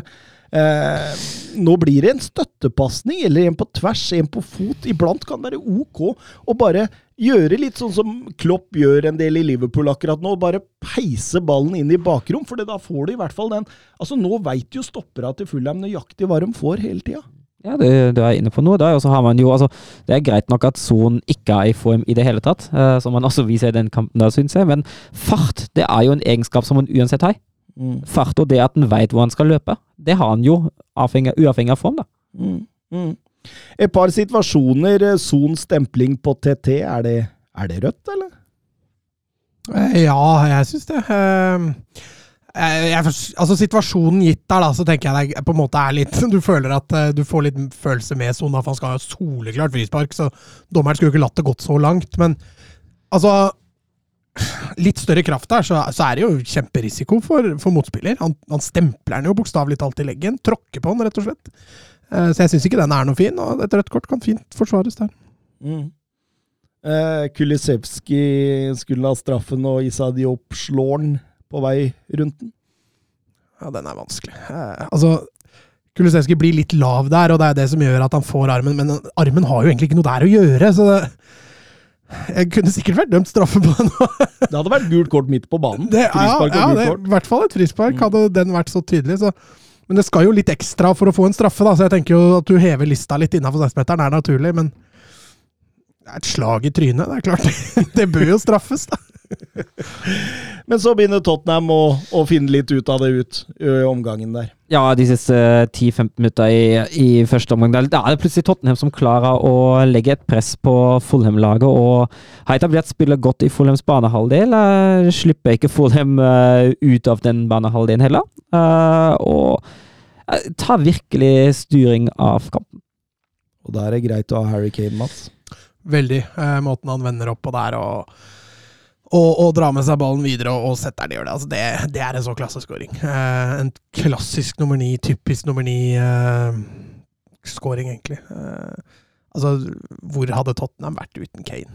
Altså, det, det er ikke godt å si, altså. Det 266 mål, tangering av Jimmy Greaves sin rekord. Nå er han klubbens mestskårende fotballspiller i historien, da, sammen med Jimmy Greaves. Ja, det, det, det kommer jo til å gå forbi ganske så fort. Og, og det er jo fullt fortjent. Altså, det er jo, det er jo Harry Kane. Han er jo Han har jo vært Tottenhams ansikt, egentlig siste En god stund nå, i hvert fall. Uh, og fullt fortjent at han i hvert fall får den skåringsrekorden. Mm. Ut fra pause Eh, Tottenham bra kontroll, ligger i en sånn 5-4-1, åpenbart ja. for å hindre innlegg. Kan jeg si endelig? Mm? At, kan, jeg, kan, jeg, si endelig? Fordi nå, nå, føler jeg på en måte endelig at Kontebanen er deg. Nå, altså Dette her andre omgang syns jeg det er litt sånn prime conte, til deg. Uh, og det er jo litt sånn det som man har etterlyst litt med Tottenham, da. At man har den tryggheten, den stabiliteten. Uh, og det er greit, det skapes ikke voldsomt mye for Tottenham heller. Men det er trygt. Det ser kontrollert ut. Tottenham ser komfortable ut og kontrollerer dette her inn. Og det syns jeg er et kjempeframskritt.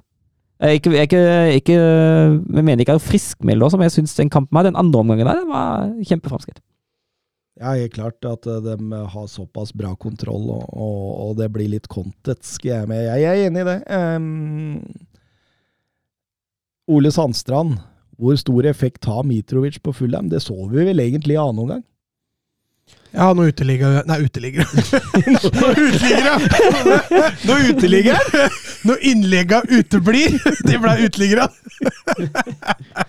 Nei, når, når eh, forsyningslinjene til Mitrovic forsvinner, er, så er, det klart at det trøkket i boksen det, det, blir borte. Men vi har jo sett altså Carlos Venitius har jo vært inne der og, og gjort en god figur, så, så Fulham også kan jo tilpasse seg. Eh, tenk litt sånn som du sa der, at det er litt rart han ikke prøver å forandre kampbildet litt før i andre omgang der. Eh, Venitius kom jo ikke inn før seint, seint. når, når de sliter med å skape overtall bredt, da, så, så ser du at Fulham sitt spill eh, det faller bare bort. og Selv det høye presset klarer de ikke å etablere på nytt. og Tottenham sin andre omgang er, er ganske solid, og så ser man jo der da, hvor, hvor, hvor avhengig Mitrovic er av innlegg. da. Absolutt. Eh, August Landstrand, eh, dere må snakke om Di Marzios uttalelse om at Levi og Conte ikke har verdens beste forhold, og at Conte er ferdig til sommeren. Jeg Sa ikke du at det kom noen andre kilder som eh, sa det motsatte, Thomas? Ja da, det er, det er jo det. Eh, Men altså, jeg tenker jo at nå, nå, altså, nå begynner man jo å spekulere. Altså, det kan jo begynne å bli, eh, bli en belastning for klubben, den der uavklarte situasjonen. Eh, Så jeg tenker jo at egentlig absolutt alle involverte parter er godt tjent med å avklare dette så fort som mulig. Kan jo være avklart innad. ja, det kan jo det. Ja, Men trodde man ikke hadde gått ut av det? Det er vanskelig å si. altså, Conte sier jo ikke så mye. Han sier at 'jeg var glad når jeg signerte for Tottenham, og jeg er glad i dag'. Det er jo stort sett det han Mhm. sier om det. Eh, jeg så det var en på Twitter som skulle hevde troverdigheten til denne Di Marzio ved å, ved å poste et bilde av han sammen med Conte, men det blir jo like troverdig som om jeg skulle posta et bilde av meg når jeg møtte Peter Sjekk på en flyplass i Praha i 2008 og skulle mene noe om Peter Sjekk i dag. Det, det, det, Altså, her Altså, så lenge situasjonen utad ikke er avklart, så vil det jo alltid komme Porcetino og Thomas Tuchel-rykter, som igjen vil si at Conte er ferdig til sommeren. Men eh, la meg si det sånn, da. Jeg tviler på at Levi går inn i siste halvdel av sesongen og cupspiller Champions League med en manager han helt sikkert vet ikke skal være der til sommeren, når Porcetino og Tuchel er ledig. Altså, så handlingslamma er ikke Daniel Levi. Men er du enig i at eh, for Tottenham-supportere er egentlig flere ganger under kampen mot Fulham skriker jo på, på Levis avgang? Ja. For å si det på en pen måte. Men du har aldri vært så veldig negativ til Levi. Nei, for jeg, jeg Husk hvordan Tottenham var når Enik tok over for rundt 20 år siden. Altså, det var en middelhavsfarer, en som ingen brydde seg om. De har bygd stadion, de har bygd treningsanlegg, de har bygd opp troppen til det den er i dag. De har gjort mye bra også. Eh, det, det hovedkritikken går ut på, er jo det at supporterne vil at de skal bruke penger som Todd Boiley eller som fulle sjømenn, om du vil. Men eh, Daniel Levi eller jeg, jeg, jeg syns det blir litt sånn Jeg syns den der Enik-diskusjonen blir litt sånn fordummende, da. At han blir litt sånn eh, Jeg kan jo tenke meg at de som drev og sang av full hals der, at de er eh, folk som ønsker Qatar inn. da. Hvis, Var du, hvis, du, hvis du skjønner hva jeg mener. Det var mitt neste spørsmål. Enik eller Kusi? Eh, Enik for meg. Ja. ja, ja. ja, ja. Utvilsomt. Eh, Sigurd Åkre, er Danjuma god? Eh, Ja, han er god. det må vi jo kunne, kunne understreke, syns jeg. Eh, han har hatt en negativ formkurve. Han starta jo sesongen i år litt skada, men han var bra i fjor. Eh, løfta helt klart via areal og, og har gitt dem en, en bredde. Om han går inn i dette Tottenham-laget og spiller veldig mye, da blir jeg også veldig overraska. Eh, han har en konkurranse her som er noe helt annet. Eh, eh, og han er nok enten best i en rein nier eller som venstrekant. Og vi har sett nå, Sånn har jo ikke prestert veldig bra, men får jo spille for det. Og Kane er jo ingen som kan dytte ut, så jeg tenker at dette er en fornuftig signering for Tottenham, for de gir dem litt mer bredde offensivt. Eh, mot eventuelt nye regnværsdager, som de har slitt litt med nå. Samtidig som det er en spiller som jeg tror ikke kan forvente å spille altfor mye. Og det er jo bare et lån, dette her, så de tupper han antakeligvis hjemover igjen til sommeren. Ja. ja i, i, I sist sesong var han jo tidvis enorm. Altså det, det var jo interesse fra Liverpool der. Og så har det vært mye skader og tull nå. Mm. Så, Ja, han har ikke kommet i gang denne sesongen. Nei, så vi, vi, vi får se. Vi får se. Det er jo Ja, nå begynner jo sykestua til Tottenham å bli noen ledige senger der, da, så han kan jo gå inn der nå. Ja, det er mulig. det er mulig. Eh, Petter Støvland, eh, hvis det er åtte millioner euro som er årsaken til at Porro ikke kommer i januar, frykter man stemningen mellom Levi og Conte da? Nå så- så- nå ser det jo ut som at den kommer, ja, det ikke? Det gjør det. Det gjør det. Det ser veldig, veldig close ut nå, så eh, vi, vi, jeg, jeg tror den stemninga får bli bra, for å si det sånn. For, så den er bra jeg tror han er bra. mellom Levi og Conte? Ja, jeg tror ikke denne De sitter og drikker whisky og røyker sigar på kveldstid. eh, Jeg har, jeg har ikke sett fra noen troverdige kilder at det skal være kjempestore problemer. Det er stort sett fra sånne som har lyst altså sånne kilder som har lyst til å, å, å komme seg litt opp og fram. Og, og skal skape litt, uh, litt men, men, de troverdige kildene i Tottenham har, har ikke vært borti det engang. Så vi, vi får se. Um, Westham vant 2-0 over Everton. Det gjorde at Frank Lampard fikk eh, sparken. En 19.-plass. Noe må jo gjøres. Um, Henrik spør uh, hva tenker dere om Everton kanskje får Solskjær som trener? Uh, som caretaker har han jo vist seg å være, være bra.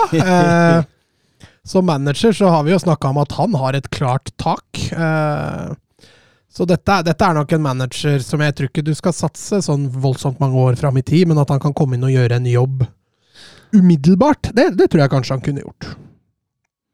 Mm. Jeg, tror, jeg, tror, det er veldig avhengig av den spillergruppa han har. Og hvem, hvordan, hvordan stemninga er i den. fordi hvis, hvis en av hovedårsakene som United da egentlig alle var trolig nok uh, eh, Mourinho, uh, og så kommer han inn der og er litt sånn snill og grei med dem, uh, så gir det jo resultater. Men uh, jeg husker det Cardiff-stuntet han hadde. Det var jo Ja, men der hadde han jo inn fra starten av. Skulle bygge noe, og nå skal han jo inn og redde noe. Jeg føler jo, jo. Det, det, er to forskjellige innganger, da. Det er derfor jeg sier som caretaker kunne det fungert. Mm. Men skal han inn og bygge det videre, så tror jeg det går raskt nedom og hjem. Bielsa er vel favoritt. Rooney blir nevnt. Sean Dyche. Hazelutl og, og Sarri. Vi, vi, vi, får se, men altså, det første jeg tenker på, det er at eh, nå er det på tide at Everton treffer på en ansettelse her. Mm. Altså, en feilansettelse nå, det kan koste dem dyrt. Nå driver de og bygger ny stadion. Tegningene ser helt fantastiske ut. Eh, stadion helt ned ved elva der, denne Mercy Mercy, er ikke det han heter? Nede ved Bramley Moor Dock, for de som er kjent i Liverpool. Helt ned ved Er det det stadion skal hete?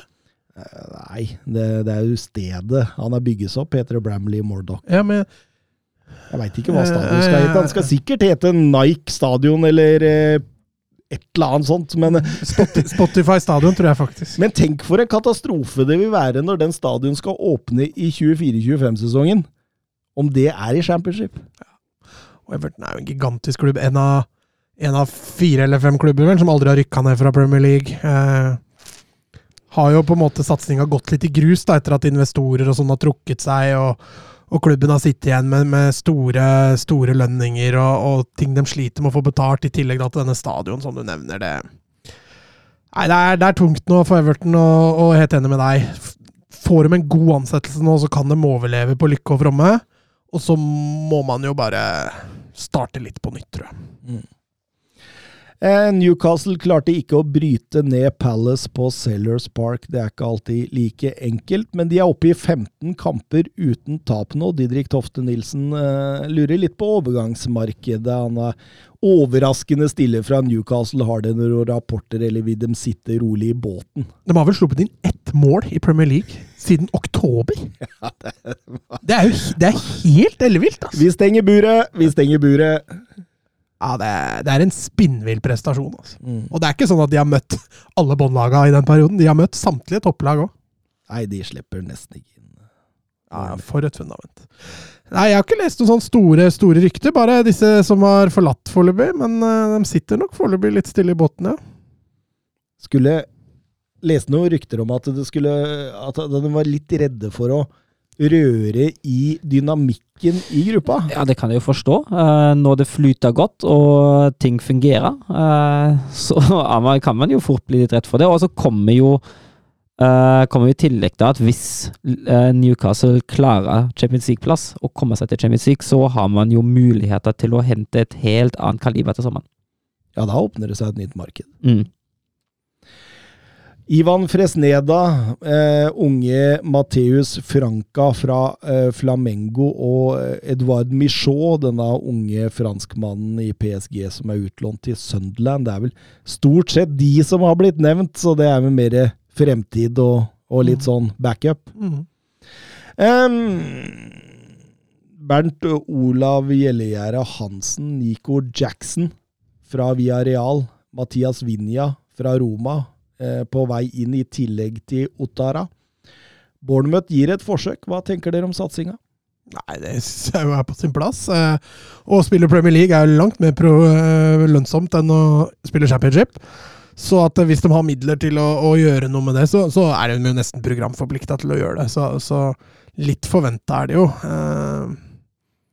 Nå er de jo selvfølgelig midt i gjørma der, da, sammen med andre. Men se, Nottingham Forest forsterker jo nærmest daglig. Eh, Ja, Wolves har jo forsterka òg. ja, Wolverhampton forsterker seg jevnlig, så skal Bournemouth ha et håp om å overleve, så, så tror jeg de er helt avhengig av å gjøre det.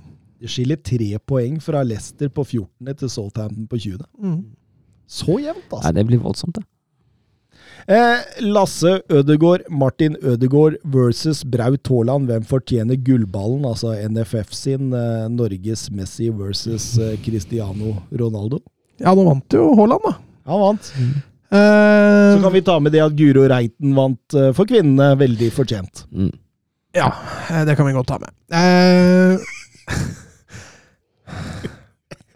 jeg syns Altså, min preferanse som spiller, da, så er det Ødegaard. Eh, jeg syns jo han er mer underholdende å se på den pasningen han har fram til Sjaka der. Han har en sånn elastikopasning.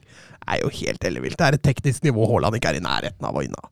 Men, men mentaliteten, fys fysikken Og så er det jo det at han scorer mål. Det er derfor han vinner. Ja, det at han er så ekstremt til å score mål, det er derfor han Og det er, det er vanskelig. Altså, når, han, når han har de tallene han har, så er det vanskelig å velge noen andre.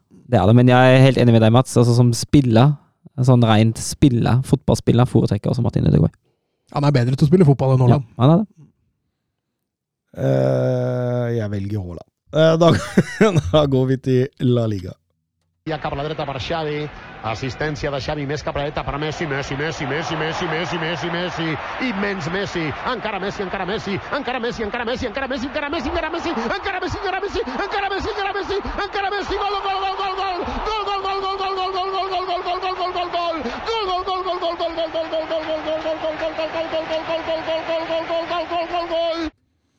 Vi begynner, vi, med Atletico Madrid sin kamp mot Real Valladolid. Eh, Atletico Madrid har bare tatt 37% av mulige poeng hjemme denne sesongen. Eh, Og det har vel egentlig vært sjeldent mer press på, på Diego Simione enn det er nå, men de kom bra ut nå. Ja, og gikk dem ut. De gikk ut offensivt. De hadde helt klart en offensiv mentalitet. Eh, Morata, Griezmann, Correja, alle fra start. Åpenbart at man ønsket å, å sette trykk fra start, og det gjør de jo. De setter et høyt press. De går hurtig i angrep, flytter opp masse folk. Eh, Litt atypisk. Ja, og så er de veldig dynamiske. Altså En Grismann som vandrer, en Korea som vandrer. Det er nesten bare eh, Nesten bare Kåke og eh, ja, til dels Jorente, da, som spiller i faste plasser eh, eh, i den første gangen til Atletico. Og så er det voldsomt dynamisk i bevegelsesmønsteret. Morata selvfølgelig en klar nier, men Grismann, LeMar, Korea, alle disse vandrer veldig mye. Vanskelig å plukke opp. Uh, og i tillegg da så er det en presisjon der som de ikke har hatt tidligere denne sesongen. Mm. Så får de en kvarters tid i første gang der hvor alt glir. ja, absolutt. eh. og på det kvarteret skårer de tre mål, Søren. Ja, til dels nydelig mål. Eh, Griezmann er jo sentral, involvert i alle tre. Ja. Eh, den, det, det han gjør før 1-0, det det er ren klasse. Den flikken han har videre der. Ja, her er han øyer i nakken. Og eh, Morata, jeg tror han hadde godt av det, av det målet. Han har jo tidlig, han har jo tidlig en miss igjen. Mm. Eh, jeg tror det var godt for ham å, å Ja, få men det var litt spisskåring òg. Han kommer Ja. aleine med keeper og rolig der. Det er klart det er Masip står ikke veldig godt plassert i målet der, men eh, han legger den ned i hjørnet hvor det er ledig, og, og godt satt, rett og slett. 50 La Liga-mål på 130 La Liga-kamper. 25 for Real Madrid og 25 for Atletico Madrid. Godt ikke taffe, da. Ta 25 der. ja, bare runde hele Madrid, er det det du, er det det du tenker? Men, men det, som dere sier, det er jo Grismann-show her. Med sin rosa sveis så har han jo virkelig egentlig funnet formen igjen. Ja, han hadde jo en nydelig Det ble jo ikke assist, som vi snakka om sist, da, men et overhopp som åpna opp eh, hele forsvaret da. Nå har han en flikk hvor han har øyre i nakken. eh, til Morata, ellers så styrer han mye. Eh, som jeg snakker, Han er kanskje den mest bevegelige av dem, og de, de ser jo litt ekstra etter Grismann, det ser du jo. det. Når han er i form, da, så, så skinner han jo ekstra. og Valladolid skal vi ikke kreditere veldig bra forsvarsspill her heller. Det åpner seg veldig i første omgang. Og det, det er jo egentlig bemerkelsesverdig når de ligger så dypt i en 5-3-2. Da Ja, ja. skal det faktisk være mulig å forsvare, forsvare de rommene litt bedre. Jeg er helt enig, men Perez og Lasa, da, som, ligger, som, som, som bekker, ligger veldig bredt som bekker i en femmer, så det blir allikevel litt rom mellom stopper og bekk. da. Det er det rommet Grismann utnytter, i hvert fall på de to første skåringene som han assisterer. så... Eh, nei, jeg syns Valladolid ikke imponerte defensivt, spesielt i første omgang. Og Grismann han uh, gjør som han vil. Mm. Han har jo assisten til Hermosos 3-0 der òg. Og når du ser denne type fotball, da, så forskjønner, forskjønner man jo at da, kritikken kommer jo. Mm. Fordi den viser jo her at man har nivå inne. De kan gjøre dette, de kan spille underholdende. Eh, at man knapt nok sender opp spillere i 70 minutter hjemme mot eh, Kadis på 0-0. Det er jo derfor kritikken kommer, når man ser dette her. Det er jo helt meningsløst. Det, og, og, og jeg, jeg veit ikke om man blir nærmest tvunget nå til å fortsette sånn som dette. Ja, men Dette har vi snakka om før. Mm. De hadde en sesonginnledning hvor de gikk ordentlig offensivt Ja, i- til i verks. Og vi tenkte Ja. åh, nå har det løsna, og dette blir gøy. Så gikk det tre kvarter, og så var det Ja, for, for det var vel en eller to kamper der du bytta litt imot, var det ikke? Og så Ja. la de om formasjon, kjørte på Felixen og Grismannen og alle Nei, kanskje ikke Grismann, men, eh, Mm. men det offensivt de hadde, og vi tenkte oi, dette blir jo gøy. Mm. Eh, og så var det tilbake igjen i en fembekslinje og trygge rammer. Det blei jo mer eller mindre en transportetappe i annen omgang. Memphis Depay kom inn til sin debut. Åssen tror du han blir i Atletico Mats? Nei, altså, han er jo eh, Jeg syns Altså, synes han er en fantastisk spiller, så jeg tror han kommer til å gjøre det veldig bra. Men uh, han er jo en spillertype Altså, han går jo nesten inn som en Grismann-type, da, hvis du skjønner hva jeg mener. Litt lik som Grismann, da. Bevegelig, trives best i mellomrom. Eh, god én mot én. Eh, Skårer 10, kanskje 15 mål da, i løpet av en sesong maks. Eh, når de kanskje egentlig trenger en spiss som kan konkurrere mer med, med Morata. Så, eh, så blir jo det også et spørsmål da, Felixen da kanskje ikke kommer tilbake igjen, Mm. når de henter en som Depay. Mm. Interessant. Det blir veldig morsomt å følge neste kampene til Atletico Madrid, i hvert fall om de har ja, noenlunde lik til og med. Staka en ny kurs. Mm.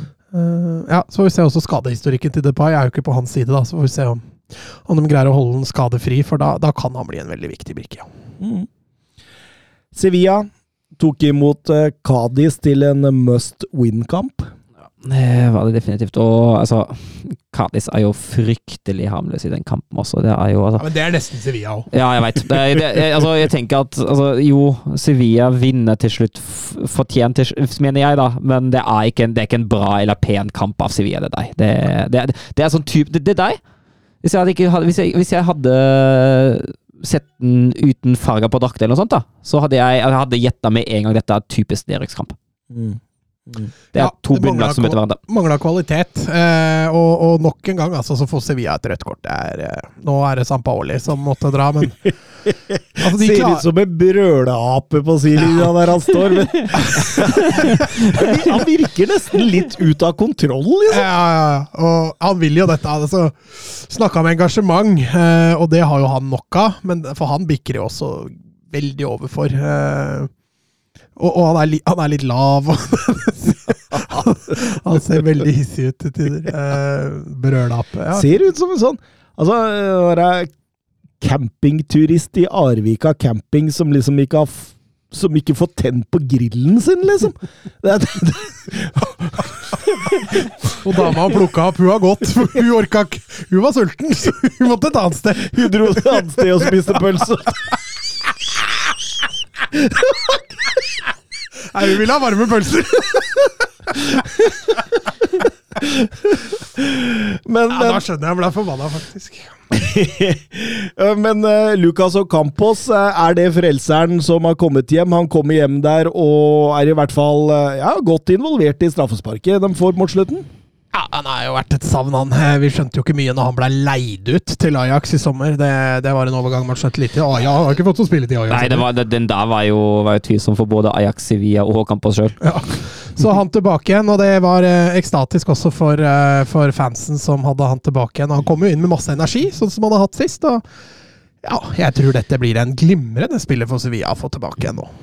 Bør Alejo ha fått direkte rødt for sitt andre gule? Hva sa du? Alejo.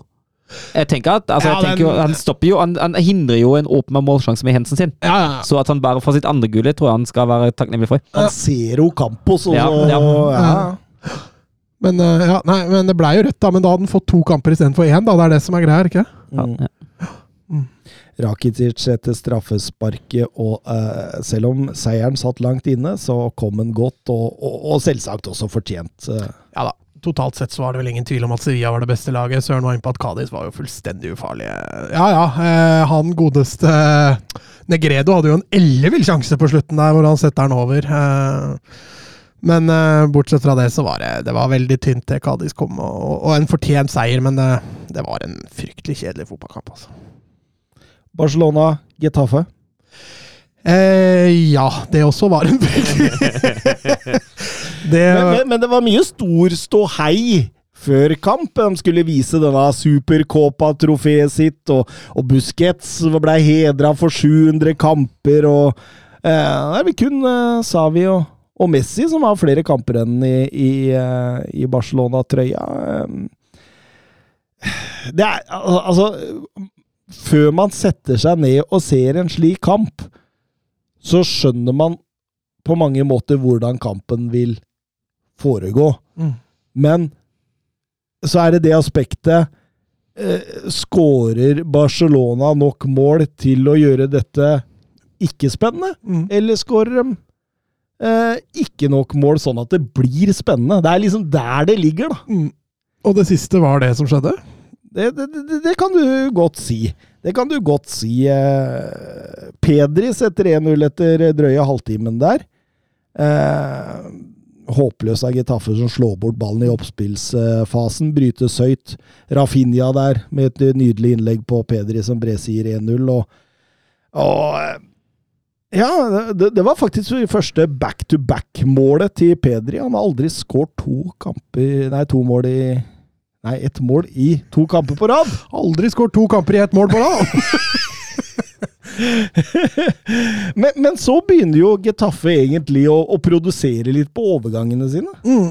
Nei, men det var jo planen. Det var ikke noe vanskelig å skjønne det. Eh, et Barcelona-lag som, som dominerer banespillet nesten fullstendig, og et Getafe-lag som, som kjører på når de får, eh, får kontringer. Runal var et lite uromoment, spesielt også mot slutten av første omgang. så han lager noen frispark, og han er litt ubehagelig for Barca-stoppera. Um, og, og Lenja, som ville jo selvfølgelig hjem og vinne mot gamle lagkompiser, så de greide å stelle i stand litt trøbbel. Uh, så nei, det var, ikke, det var ikke helt dette man forventa etter eh, solid gjennomføring mot Real Madrid for en uke siden. Altså. Søren Døpker. Er Ter Stegen verdens beste keeper én mot én? Ja, det vil jeg si. Eh, Jeg kommer ikke på noen andre som er bedre. Altså, han har redda Barcelona i denne sesongen, her, og han er jo er kanskje den viktigste årsaken til at Barcelona har så få baklengsmål som de har. Ja, altså Når man snakker om Newcastle og, og sånn som er flinke til å holde nullen, så er det litt mer et kollektivt. I Barcelona, Mm. som han også har holdt nullen mye, så, så er det faktisk litt mye til Stegen. Uh, han har noen elleville redninger. Fantastisk én mot én. Han er så flink til å lese spillere når han kommer aleine. Han rusher ikke, han, han selger seg ikke for tidlig. Og han går sjelden ned og slenger seg. Han blir stående, da. Han Og er, timer det veldig ja, fint. Ja. Uh, fantastisk god én mot én. han blei jo også innlemma i kapteinsteamet når Piquet la opp, så han har jo fått en større lederrolle nå også i, i Barcelona. Det er vel fortjent. Jeg tror han er en fornuftig type å ha der. Han har den høyeste redningsprosenten av alle keepere i topp fem-ligaene. Er ikke overrasket over det. Eh, sagt, Rett foran Dioff i Rem Ja. og Nick Pope i Newcastle. Så Will Still, han, eh, det er egentlig keeperen han skal takke. Han er, han er ikke noe vidunder, han, altså. Nei, jeg, jeg bare la merke til at det ser jo nesten ut som en halvsjanse hver gang Ja. noen kommer aleine mot den. Mm. Det ser ut som han. Det I got this. Ja. ja. Nei, strålende. Eh, den røde knappen eh, merket eh, plan B, den trykkes ikke akkurat inn fra start for Getafe i annen omgang der. Det blir sånn litt så mye Barcelona-spill på fot, på fot, på fot. Fram og tilbake, og så på fot igjen. Blir brutt to-tre Getafe-pasninger. Tilbake Barcelona, kontroll. Fot, fot, fot, fot. Det, ah, Nei, det er repetisjon, repeat. Uh, i, i, eh, de har spilt noen kamp, sånne kamper denne sesongen, og Barcelona er De har mye å gå på i taktskifte etter du har passert et ledd. da. Eh, vi har snakka om det før, at Pedri og Gavi blir for defensive. Så når Barcelona passerer et ledd, selv om de setter fart på, så er de i undertall. Mm. Eh, det er de gangene du ser når du får de brudda høyt i banen, at de faktisk greier å skaffe seg et overtall. Da. Så de har litt å jobbe med på akkurat det der med å, å gjøre et taktskifte, da. Eh, som de har vært så gode på under Pep og Villanova og, og tidligere managere. Det, det, er noe Xavi helt klart må og bør ta tak i. Eh, for de kommer til å møte mange lag framover som ligger dypt på kamp nå. altså. Mm. Skal Dembélé ha rødt kort etter 67 minutter der, hvor han stempler Alderete? Den er, den, den er litt son. Ja, den er litt son, så jeg får jo nesten bare svare samme som jeg svarte der. Eller så fremstår jeg som en idiot. Nå prøvde jeg å Jeg prøvde å fange den. um, nei, det, det, var vel en um, Ja, Barcelona vinner på en dårlig dag i en dårlig fotballkamp? Ja, vinner jo for så vidt fortjent, syns jeg. Man dominerer jo. Men, men, litt utur der, så hadde det blitt 1-1, jo. Mm. En annen keeper enn Ter Stegen, så hadde det blitt 1-1.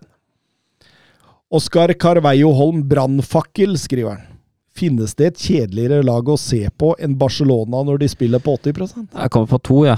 Atletico Madrid og Juventus. Nå har jo begge de to vist litt andre takter den, uh, den helga her, for all del. Men uh, i normalform, i normalforfatning, tenker jeg at de to står ganske høyt på den lista der.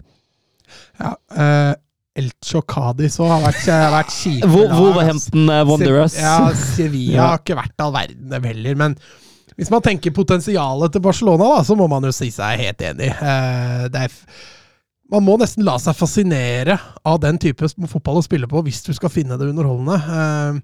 Pasning på fot, få, få, økninger i tempo, lite direkte.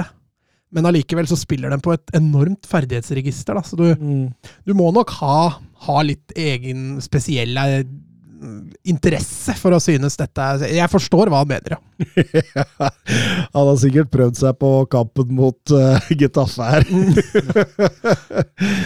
uh, Atletic Club Real Madrid stormatch på San Mames. Eh, et atletisk klubb uten sitt faste stoppepar. Og ja, er det lov å si et reserveprega Real Madrid? Ja, det kan du jo si. Nå midtbanetreeren eh, består av Kamavinga som dyptliggende og Ceballos og Valverde som indreløpere, så kan man jo absolutt si det. Og så har de Ascencio som tar høyrekanten. Ja, og Nacho inne der, og det var, det var åpenbart at han har tatt litt hensyn til denne eh, denne Saudi-Arabia-turen og, og, og, litt sånn forskjellig her, Angelotti? Ja, de hadde jo en tøff eh, cuprunde også mot eh, Villarreal, som de røyk for eh, helga før i, i, La Liga. Så skulle de møte Villarreal i cupen også. Eh, da lå de under 2-0 til pause, og så snudde de det i andre omgang. Eh, det har jeg hørt om før. Ja, eh, Det skjedde jo faktisk samme dag som vi satt og så. så det gjorde så, det! det, gjorde det. Så, så det er ikke så rart du har hørt om det. Eh, så de kommer jo der med, med, med ganske brent krutt, tror jeg. Midtbaneleddet som Søren er innpå, blei bytta ut, og, og, eh, de måtte nok røre litt i, i gryta. Ja, og jeg syns jo Real Madrid i hvert fall i start bærer litt preg av det. Jeg syns jo Atletic kommer klart best ut der. Ja, ja. Første 20-25, ja. så, så, så syns jeg Real Madrid sliter med frispilling. Real Madrid sliter med, med etablert angrep. Atletic, så lenge de kan kjøre kjappe angrep, så er de mm. farlige. Mm. Mm. Uh, og så sliter de også dem, da, selvfølgelig etablert. Så. Men, men Atletic Det så ut som de ville mye mer, da. Så hadde du kunnet dømme kampen ut fra første 25, så ville man jo tenkt at her går Real Madrid på en ny smell. Mm. Ja, fascinerende hvordan de liksom punktmarkerte alle tre midtbanespillere til Real Madrid der i oppspillfasen. Uh, tar ut spillpunktene. Eh, Syns de gjør det meget, meget bra, kommer ut der. Og så, så skjer jo det som ofte skjer når du ikke får uttelling, da. Det er jo at man har en stor, stor stjerne i andre enden. Ja, Den, den var litt sånn, sånn forrige sesongs Real Madrid, at uh, i, hvert fall, uh, i hvert fall i starten har at det er Courtois og Benzema som steppa opp og egentlig redder dette uh, Real Madrid-laget her. Men den uh, volleyskåringa til Benzema, nei, den er det pupeklasse over, altså.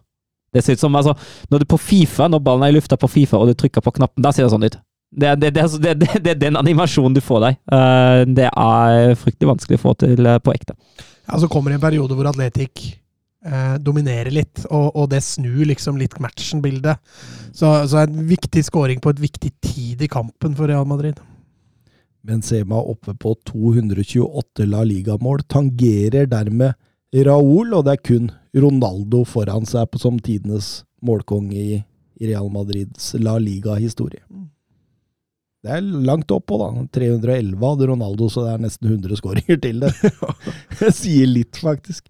Eh, men etter 1-0 så får vi jo et lite sceneskifte, eh, egentlig. Får bedre kontroll defensivt, Real Madrid. Cavavinga får bedre kontroll og mer plass sentralt i banen. Og så får de kobla på Benzema i oppspillsfasen. Og, Og Venitius i bakrom. og da, da, da, da ser Real Madrid litt mer Real Madrid igjen. Men, men du snakka om eh, Bruno Fernandes i forrige episode. Ah, Jeg klarer ikke å slippe Venicius. Nei, det er helt lov, det. Jeg klarer ikke å slippe Venicius. La dere merke du duellen han hadde med Niaki Williams rett før pause der. Mm. Altså, Der holder han igjen i Niaki Williams. Så blir han runda, og så går han inn og dytter uh, Inyaki Williams etterpå. Som om Inyaki Williams er den som liksom eh, legger opp til dette. Altså, hva slags Altså, hvem er det han tror han er, egentlig?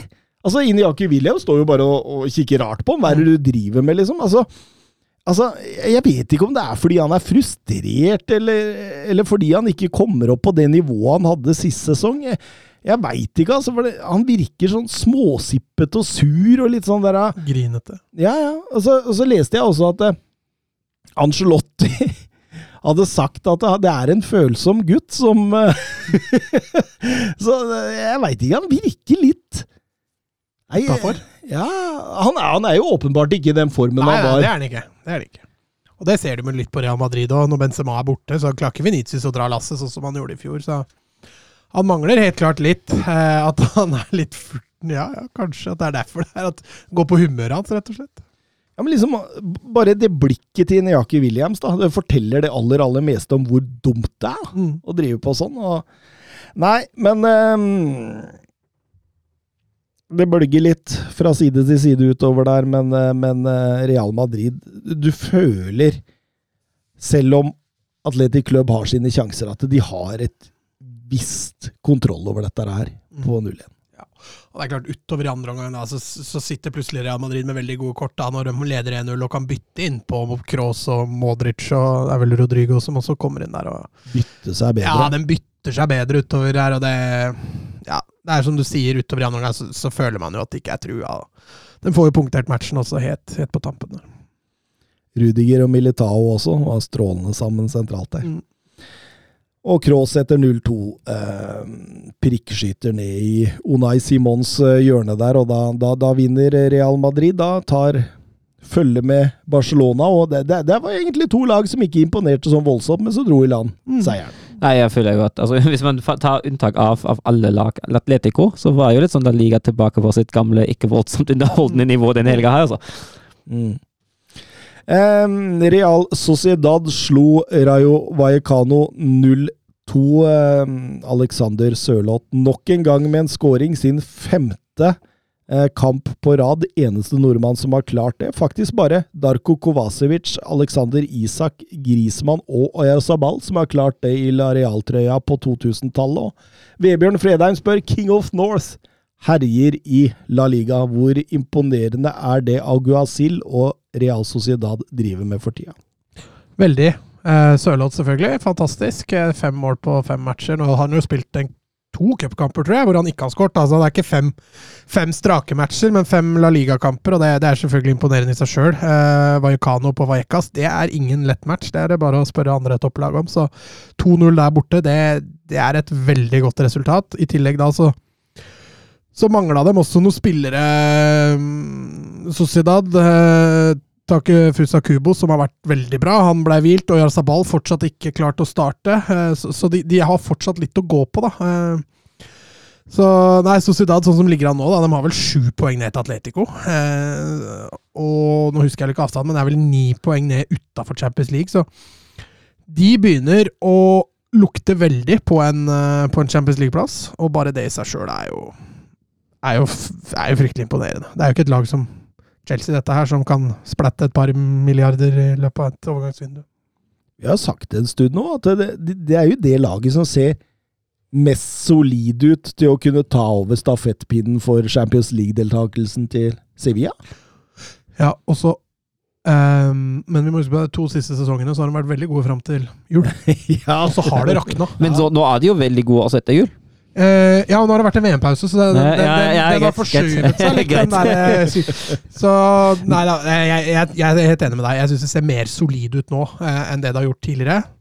Så jeg tror også derfor kommer det til å vare litt lenger. Eh, jeg også holder eh, 80-20, nei da.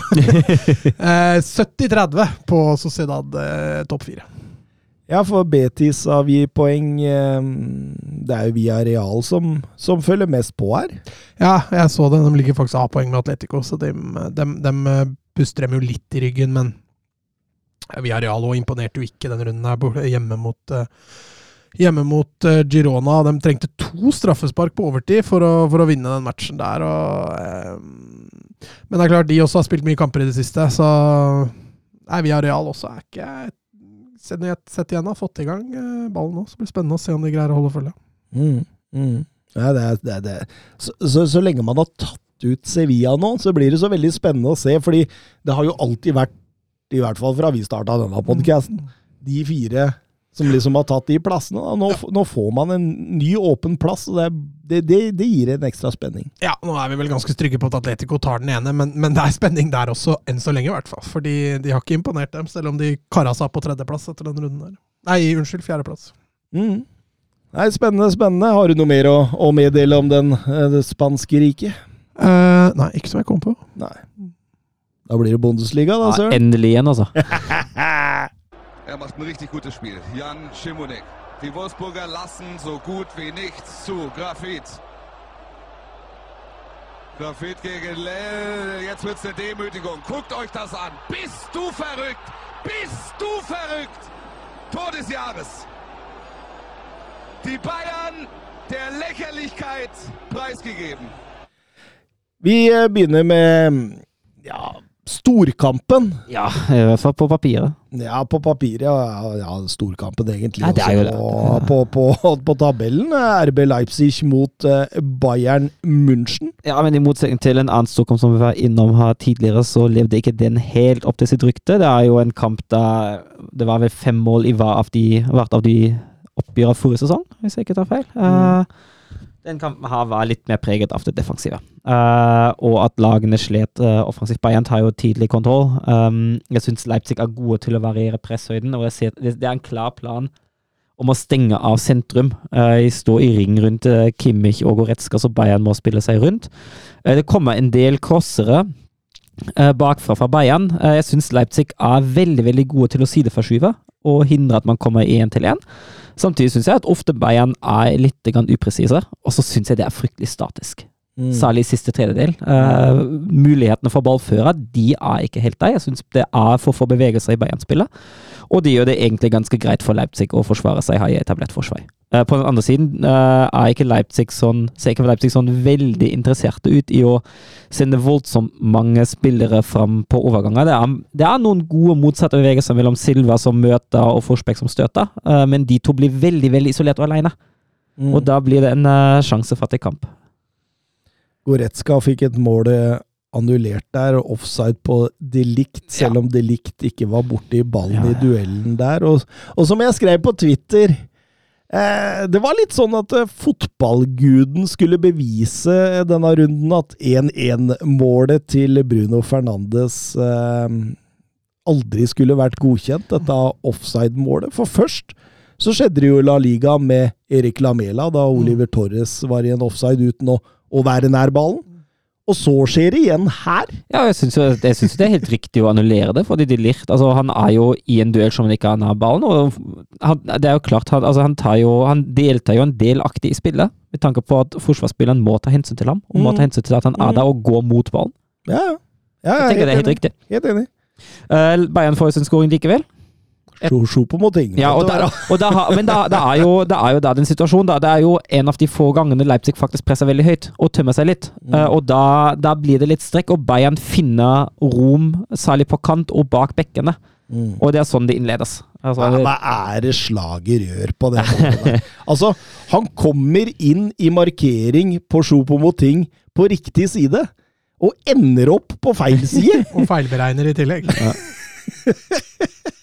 Nei, det kan man lure på. Men uh, ja, Choupo-Moting han, eh, han fortsetter da han slapp før jul. Mm. Men uh, Leipzig kommer jo ut som en bedre utgave av seg selv i annen omgang. Ja, Leipzig tar litt mer tak i det. Bayern trekker seg litt tilbake. Leipzig øker presshøyden og står veldig godt etter nå. Uh, og Det er også det som lager 1-1. Det er en fryktelig klarering av uh, Kimmich som Halstenberg gjenvinner sentralt. Og etter litt kan man si flipperspill i, i boksen, så havner jo ballen hos Halstenberg, en som setter den fra kort hold. Mm. Mm. Og så synes jeg altså, i det følgende, jeg synes i hele andre omgang altså, Jeg synes Leipzig er, er bedre. Jeg synes Leipzig har et lite overtak, men samtidig altså, Jeg synes begge lag sliter voldsomt med å finne alternativer og komme seg inn i siste tredjedel. Jeg synes det er en uh, offensivt skuffende kamp av begge. Og så ser det jo de, de siste ja, 10-15, så ser det jo ut som at begge tenker ja ja, 1-1, det, det får vi ta her. Det er greit nok, det. I går vant eh, Leipzig kjele 1-6 Ja. over Schalke. Ja, Schalke Fryktelig, fryktelig kamp av Schalke i går. Herregud. Det lå, lå, sto jo allerede 0-4 til pause, og de var jo fra, fra, Frankfurt vant mot dem 3-0 uh, til helga, Uh, og da var faktisk uh, Schalke uheldige. De hadde en god del gode sjanser, var dårlige til å avslutte. Eh, Frankfurt kontra dem i seng til slutt. Det sto lenge bare 1-0, og Schalke hadde faktisk fortjent å få med seg noe der. Og så, så virket det som at etter, den, eh, etter det 1-0-målet som de fikk ganske tidlig, eh, Leipzig i går, at det bare var fullstendig kollaps. Mm. Og altså, vi har jo fått et spørsmål om Schalke, og vi kan gå litt inne på, inn på dem seinere, eller vil du ta det nå? Ja, jeg, jeg, jeg tok det helt til slutt her Ja. i Bundesliga-bolken vår. Eh, for uh, Bayern München spilte også i går. Det var Ja. også 1-1. Mot Köln. Eh, grusom førsteomgang der. Eh, Det var ikke så mye bedre i andre, var det? Nei, det styrte bare med at Köln trakk seg mer tilbake. Ja, Men igjen, jeg, jeg syns de problemene vi ser mot Leipzig, det med det stillestående, det med at man er dårlig til å skape rom og muligheter i siste tredjedel, jeg syns det er litt det samme som vi ser i går. Men de ligner litt på det de dreiv med i oktoberperioden. Er. Og da kommer Kasper Viktor Ruud Haalands eh, spørsmål glimrende inn her. Er Bayern München inne i en liten formdupp igjen, og har de råd til to formdupper i løpet av en sesong før det blir spennende? Ja og ja. Enig. Ah, så nydelig svar! Nei, men jeg, jeg er helt enig. Ja, de, Det korte svaret. ja, ja, ja, de er det. Eh, Mats, Mats nevner det ligner litt, uh, litt på oktober. Uh, det de gjør, eh, i hvert fall offensivt, er litt sånn Da, halter det ganske kraftig.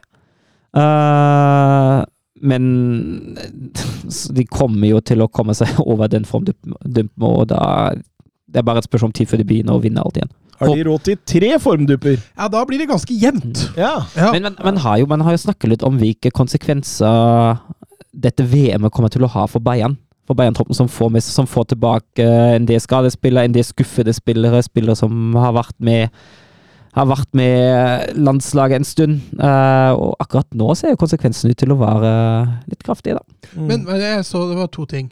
Uh, Müller han spiller jo ikke så mye for tida. Nei, det, det er jo Musiala som har plassen hans. Han er jo klart best eh, bak spissen, og den plassen har jo Musiala. Og det tenker jeg også er helt riktig. Han har, han har hatt et svakt mesterskap òg. Ja, men jeg tenkte Müller er det vel plass til. Ikke greit å ha han på høyre bekk eller et eller annet. ja, men jeg skjønner jo at det er dumt, men bare få inn Müller, da. Altså, han er jo Ja, men jeg, jeg synes... klassespiller Jo, det jo, gjelder det å finne rom, det å, å, å gjøre andre bedre. Jo, jeg, men altså, jeg tenker jo akkurat nå han, altså hvis, hvis man tar Altså verken Gnabry, Coman Ja, Men, Gnabry men, men, men var det ikke sånn at, eh, at Thomas Müller eh, var egentlig ute av laget mot slutten av Kovac-perioden? Jo, da, og da begynte jo, begynte jo kona til, eh, til Müller også å bli dødsforbanna på Kovac og kom i ganske mange stikk på sosiale medier, særlig på Instagram. Stemmer det. Og så kom han tilbake under Flick. Ja, for Flick har alltid vært sånn Thomas Müller. Veldig. Er litt for mye under VM òg, som vi har sett. ja. Eh, og nå, altså, nå må han jo kjempe om plassen sin. Han Eh, kommer jo sist inn. Han setter jo heller inn på Koma. ja, akkurat nå, ja. ja. Men altså, det handler jo om at Mulla er jo kanskje ikke en typisk kantspiller, da. Han, Der- Var der han slo gjennom? ja, jo, jo, men, men han er ikke det nå lenger. Nei, da er jeg enig. Litt dreig Og med det andre Bayern sparka keepertreneren sin. Ja, og den er jo litt, eh, litt morsom, fordi uh, altså det har nok ikke så mye med den nøye historien å gjøre. Jeg har vært litt inne på det at uh, Tapalovic, han som Tony Tapalovic han For jeg leste at det hadde med Neuer å gjøre. Ja, ikke så voldsomt. Uh, greia at Nagelsmann ikke har vært fornøyd med ham i det hele tatt. Han ville egentlig få, få ham fjerna ganske lenge. Eh, at den kommunikasjonen mellom Nagelsmann og Tapalovic ikke var det beste. Uh, og så er det jo nå de klagene fra Nybel om at uh, Tapalovic ikke kommuniserer med ham mens han er jo egentlig Bayern-spiller på utlån i Monaco. Men vet du hva jeg leste? Mm. At Altså, ting de hadde prata om internt på trenermøtene, kom ut til laget. Mm. Og da mistenkte de at uh, keepertreneren snakker med Noyer. Noyer snakker med spillergruppa. Det kan få tenkes at han gjør. Og da de er jo, de var det nok til at okay. de de er jo best til seg. Uh, og så så er det jo klart, altså det svekker jo Noyas uh, stilling i klubben, definitivt. Det er 37 år, da. Så. Ja, og så, og så vet man, så vet man ikke uh, om og når han kommer tilbake. Nei, han var ikke god på ski, i hvert fall. Nei, og det, det er jo det neste at klubben internt skal det visstnok være ganske mye misnøye med den skituren han valgte deg. Og det kan jeg forstå. Ja, Vi snakka jo om det, om den telefonen Noyer tok til Oliver Kahn. Jeg har vært ute på ski, jeg. Det gikk sånn passe bra. Nå må dere hente Jan Sommer. Jan Sommer, som var faktisk den tredje eldste Bayern-debutanten gjennom tidene. Ja, det er en ganske Veit du hvem som er de to eldste? Nei, Dinot Soff er den eldste. Eller er han ikke? Nei, er det ikke Dinot jeg fikk faktisk okay. opp eh, Hans Jørg Butt og Tony Schumacher. Ja, Schumacher, ja. ja. Ok, jeg trodde Soff også var eldre. Ja, da tok Det er bare keepere, da. Ja, men det er bare keeper. um, men Søren Ja. Nå skal du få lov å briljere med ditt kjære Wolfsburg. Og, og, og, og før du begynner, vet du hva? Jeg unner deg dette her. Nå, Takk. Det, Takk. Det, jeg vil bare si gratulerer. Um, du har fått en bøtte med spørsmål, egentlig, eh, om, omgående dette her. Eh, stort sett alt går på det samme. Anders Hansen, har Dupke blitt lei Rama Rama Ding Dong? Nei, aldri kan jeg si at etter at kamp mot Freiburg var ferdig, satt jeg på full guffe hjemme. Det er det verste. Det er det verste man har hørt. Eh, Kim Jansen, jeg ønsker Søren skal få litt oppmerksomhet om sin kjære Wolfsburg. Vinner seilene nå. Eh, Stian Nesse, grei ut og Wolfsburg sin eh, enorme form. Og, og Jørgen Knutsen, hva skjer med Wolfsburg? Elleve mål på to kamper. Har de drukket for mye Møllers tran i vinterpausa, eller ser vi begynnelsen på noe stort? Nei, altså, dette her ser bra ut. Eh, Jeg kan jo ta kampene litt sånn kjapt i rekkefølge. var jo kamp Ja, for de lørdag. også har spilt to. Ja, kamp på lørdag og kamp i går. Eh, lørdag var Freiburg på besøk. På den tidspunktet andreplassen. Uh, Wolfsburg begynte kampen med å skåre. Wolfsburg avslutta kampen med å skåre, og det er klart når man skårer fire i tillegg mellom den tida der, og vinner 6-0, så er det stort. Eh, s- Herlig start, 1-0. Eh, litt dårlig periode fram til, uh, til 2-0-målet etter sånn ja, 25 minutter ca. der man blir litt, litt baktunge. Ellers en fantastisk gjennomført kamp. Eh, jeg syns både defensivt og offensivt ser dette her nå veldig stabilt og bra ut. Eh, det er det er litt sånn det varierende angrepsspillet som vi ser nå. Uh, det, det virker som at laget har flere strenger å spille på. Uh, Arnold ligger og styrer midtbanen i kamp etter kamp etter kamp. Uh, Vint framme, både som målskårer og som kombinasjonsspiller, er, er helt enorm. Uh, det er gode motsatte bevegelser. Det er, det er vendinger, det er Kantene skaper ting. Det er muligheter å komme seg i halvrommet og bryte gjennom sentralt. Det ser, det ser virkelig bra ut nå, altså. I tillegg til at man har en, uh, har en ganske god defensiv eh, stabilitet. Men uh, nå er det ikke lenge siden, det er kanskje bare to måneder siden, at Kovac fikk så øra flagra. Ja, nå, nå skal jeg rosen. Ja, det var det jeg tenkte. Jeg syns han fortjener en Ja, hyllest ja, ja, av ja, ja, altså- Søren Løkker. Eh, E- alt- Elsker du Kovac? Det er kanskje å dra det litt langt, men, eh, men altså nå altså, jeg tenker, altså, Den planen han har lagt opp uh, under VM-pausen, har vist seg å være meget meget lur. Han har tatt en ny oppkjøring ganske tidlig i desember, på en av de første klubber som starta. 5. desember var det vel. og Så kjørte man en, uh, en fysisk oppkjøring. Så tok man en liten julepause, og så gikk domen på treningsleir der man jobbet med det spilltaktiske. Uh, det har vist seg å være veldig veldig lurt. Laget ser ut til å være i fantastisk form. Laget ser ut til å forstå eh, det som Kovac vil ha på banen bedre og bedre. Uh, jeg syns uh, han treffer med laguttak gang etter gang etter gang. De siste to kampene har jeg jeg hadde brukt akkurat de samme spillene. Uh, In game treffer han veldig godt, da Otavio nå fikk sitt femte gule mot Freiburg, måtte stå over mot Hertha, det visste han. Så bruker han de siste 20 til å teste ut informasjonen han skal bruke mot Hertha ved å dytte Lacroix inn sentralt og skyve van de Veen ut på venstrebekk. Jeg syns jeg syns dette her ser virkelig, virkelig bra ut. Og så er det jo klart at det hjelper at eh, både Vint og Vimme er tilbake fra skada. Han uh, oppdafant en fin fakt om, uh, om Patrick Vimma. Hvis man ser alle uh, alle spillere i topp fem-ligaer som har spilt minst 500 minutter, er det tre spillere som har skapt med en én stor sjanse i gjennomsnitt per kamp. Og på førsteplass er Kevin Til Brune. På tredjeplass er Lionel Messi, og mellom de to sitter faktisk Patrick Wimmer. Og alt har han skapt de siste to matchene. Ja, nesten, altså. han, har vært, han har vært helt enorm mot både Freiburg og Hertha. Og, nei, altså, jeg syns altså, nå, nå skal ha virkelig all ære for det han har gjort med det laget, og at han har klart å snu det her. Det som så så dødt og håpløst ut etter 0-2-tapet mot Union. Nå er det seks seire på rad. Ja, det er helt enormt, altså. Det, Men har han løfta taket sitt? det, det, det er det som blir spennende å se, da, opp han high. Det, Eh, det får vi ikke svar på før Ja, men vi, vi melder jo. Ja, men, Vi må melde. ja, men da, da har han ikke gjort det enda, for Nei, okay. ok. liksom. Nei, nei, nei, han må jo vise noe over tid der. Det nytter ikke å Altså, et fortumla Freiburg og et uh, halvtaft uh, Herta, det Ja, er, vi må Det var tre seire før der igjen nå, da. fire. Fire seire før der igjen. Og altså Tre pluss to er seks. Er det ikke og, og, Matemats i Og bare, bare et baklengsmål, faktisk òg. Altså, er jo klart at altså, hvis man ser på XG-tallene, er jo både 5-0 og 6-0 litt i drøyselag, men man Men det er jo alltid i sånne men man vinner, man vinner begge kamper også veldig veldig klart på XG. Mm. Eh, og som sagt, jeg, jeg syns det variable angrepsspillet nå, uh, det ser voldsomt ut. Og det neste er jo at, som vi snakket om med Arsenal, uh, mot, uh, mot Hertha nå, den 5-0-kampen eh, Fullstendig overlegen første omgang, trekker seg litt mer tilbake i andre og tar to skåringer mot slutten der. Så er jo Otavio venstrebekken er ute, så kommer Lacroix inn, og van de Ven dyttes på venstre. Lacroix gjør en kjempekamp sentralt. Eh, etter at han har spilt uh, knapt fotball de siste kampene fordi van de Ven og Bono har vært gode. Og så er Felix Nemetja også ute sentralt. Og så kommer Mathias Svanberg inn, uh, skårer ett mål, har to assist og slår frisparket som ender i et straffespark. Uh, kjempeprestasjon, og de som kommer inn fra benken, bare fyller de, fyller de rollene de skal ha når noen er ute. Veldig, veldig bra. Så dette her, dette her altså nå, nå jo, får man jo se hvordan det går mot eh, Bremen til helga, men akkurat nå, de siste to kampene, det er Det var, det var sterkt. Jeg har, faktisk, eh, jeg har faktisk ikke noe å klage på. Ta, meg, eh, ta, ta, ta disse råda fra en Tottenham-supporter. jo høyere man er, jo hardere faller man. Jo da. Og jeg tenker, for, altså jeg tenker fortsatt, hvis man, hvis man avslutter denne sesongen her i topp seks, er det en suksesssesong. Ja, Det, det, er liksom, Ja, ja, det, det, det er der jeg er, altså.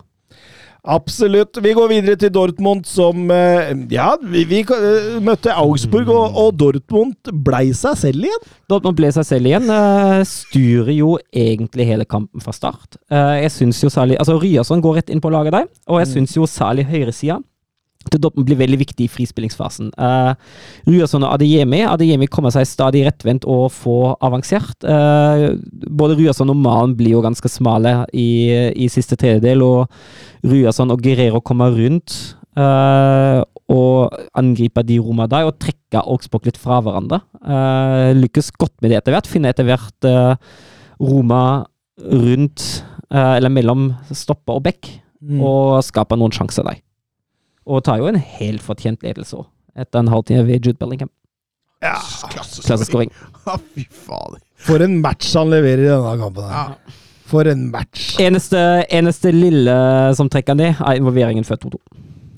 Ja, ja for, for, for all del, men det, det er jo like godt uh, av Arne Engels som Jo, jo. det er dårlig av, av, av Jude Jude Bellingham. Men, men for, en, for en kamp han leverer her, og jeg syns han viser at han stadig tar steg offensivt. Jeg er helt enig. Og jeg, jeg synes jo Han etablerer et høyere nivå Ja. også. Ja.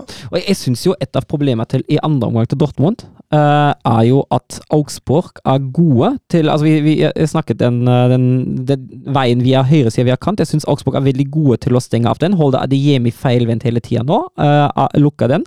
Så må Bellingham lenger ned og delta i frispillinga som han gjør glimrende. Men du ser at han mangler rundt boksen. Det å se at Da blir det vanskelig for Dortmund å finne i samme rom som de gjorde i første omgang. Ja, ja. Jeg syns det er egentlig hovedårsaken til at Dortmund skaper ganske så lite fram til Alia kommer inn.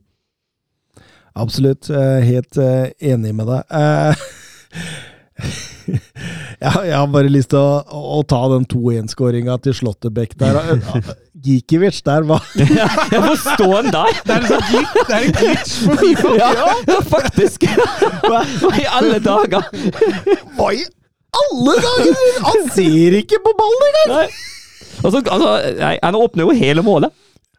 Helt sykt. Nei, det der, der var sjukt, altså. Men det, det, det var jo ikke bare det som var sjukt i denne kampen her. For hvordan, altså eh, Dortmund tar ledelsen, og Augsburg svarer. Dortmund tar ledelsen, og Augsburg svarer. Dortmund tar ledelsen, og Augsburg svarer. Så, så, sånn gikk det jo. Mm. Til 4-3, ja. Ja. Ja.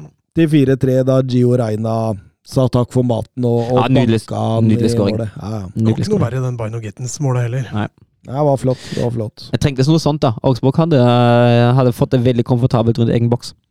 Men tenk hvis Demirovic hadde scoret på den etter 88 minutter, som Ja. er 4-4. Da hadde liksom bare Altså, eh, Sebastian Kehl og, og, og, eh, og Terzic og hele gjengen kunne bare kasta de der ah, solidplanene sine Ja. langt ut av vinduet. Selv når de prøver å være solid, så er det ikke i nærheten av å være solid. Nei. Nei, det varierer altfor mye defensivt. Altså, det, det er personlige feil. Mats Hummelsson. Ja, altså den derre Altså, vi skal ikke gi den, eh, den 2-2-skåringa til Ryerson, men han, kan jo klarere den. Den, eh, den bør ikke være umulig, nei. Det er ikke sånn at den er håpløs. Så, så det er liksom sånn personlige feil, svak posisjonering, mangel på ja, Nei, det er eh, Spiller mot eh, Mainz borte i kveld, så den kan eh, bli spennende å følge med på. skal, Eh, Vil du ikke vite resultatet? Nei, den holder jo på, så Ja, ferdig. hvis, det, hvis man har lyst til å se på noe når man kommer hjem, så kan jo det være en ålreit kamp å se på. Um, litt uh, diverse resultater før vi tar Schalke-praten til Jørgen Knutsen. Uh, Frankfurt eh, sabla Schalke. Union Ja. vant også. Og snudde mot Hoffenheim, ja. 3-1. ja. og så var det eh, Borussia München-Gladbach mot Leverkosen, hvor Leverkosen fikk en etterlengta opptur. Ja, og det var jo en, igjen en litt defensiv tilnærming av uh, Alonso, men når de først kom, kom de med, med stor fart og skåra egentlig tre mål på det. Uh, dårlig forsvar av Mönchenglattberg som ja, litt sånn Den ballbesittelsesstilen til, til Farke som møtte den uh, litt sånn litt defensive kontringssiden til Alonso i den kampen, da, da traff Alonso godt på inngangen, rett og slett. Mm, mm. Eh, Jørgen Knutsen, Schalke i fritt fall. 36 bortekamper på rad uten seier. Ny negativ rekord i Bundesliga. Starter nå med 0-3 og 1-6. Hva slags kraftig lut må til for å stable de kongeblå på beina igjen? Nei, det, jeg kan ikke se at det har kommet til å ende med noe annet enn nedrykk. Eh, jeg synes som sagt, jeg synes den Frankfurt-kampen at da, blir de, da hadde de faktisk fortjent å få med seg i hvert fall ett poeng. Um, Å tape 3-0? faktisk. Ja, Men det, det var, og Schalke var jo helt, Schalke var helt krise. Eh, helt fryktelig kamp. Og det er liksom det som er problemet, da. At, altså, for det første, bunnivået er så voldsomt lavt. Og, først, og når det andre nå når ikke engang toppnivået sørger for at du får noe annet enn en, en enn 3-0-tap, så blir det voldsomt. Vi har snakka om det før. Eh, Det, det mangler, altså Reis, Reis er en meget dyktig fotballtrener. Egentlig litt synd at han eh, får det nedrykket på CV-en med Schalke nå. Um, det mangler så mye. eh, og offensivt mangler det fart. Det mangler forsyningslinjer. Det mangler spiss. Det mangler, egentlig mangler alt. Eh, og altså det at det laget innimellom i det hele tatt ser konkurransedyktig ut, er for meg et ganske stort mirakel, egentlig. Altså, men det, altså, det kommer til å gå rett ned. Det, jeg ser ikke noe annet, nei. Og, og, og da kan de fort forbli ned? ja, eh, fordi de har jo de økonomiske problemene. Mm. Uh, og man var jo, Schalke var jo veldig veldig redde for uh, hva som kom til å skje etter første nedrykka. Uh, det, var jo en, det, det var en overhengende fare at hvis man ikke bruker gjør det klokt her nå, uh, bygger, bygge, smart, bygger troppen smart, så blir man nede. Uh, og Roven Schrøder, uh, daværende sportssjef, han løste det jo ved å hente inn en del lånespillere for billige penger som løfter dem opp. Uh, men det er klart, man kan ikke bygge på lånespillere. Eh, og må man, altså man, må, man må på en måte treffe på ganske mye. Mm. Eh, og det er jo altså det, det er veldig synd, fordi Schalke er jo en stor klubb, en eh, engasjerende klubb med voldsomt supportermiljø. Er jo fortsatt en av de aller, aller største fotballklubber i hele verden når det kommer til medlemsmassen. Mm. Uh, men framtida er ikke akkurat lys, altså. Den er ikke mørkeblå, men mørkesvart. Går det an å si det? Mørkesvart? Nei, ja, jeg har aldri hørt det før, faktisk. Da er det i hvert fall svart. Nei, men det blir eh, spennende. Det blir eh, spennende.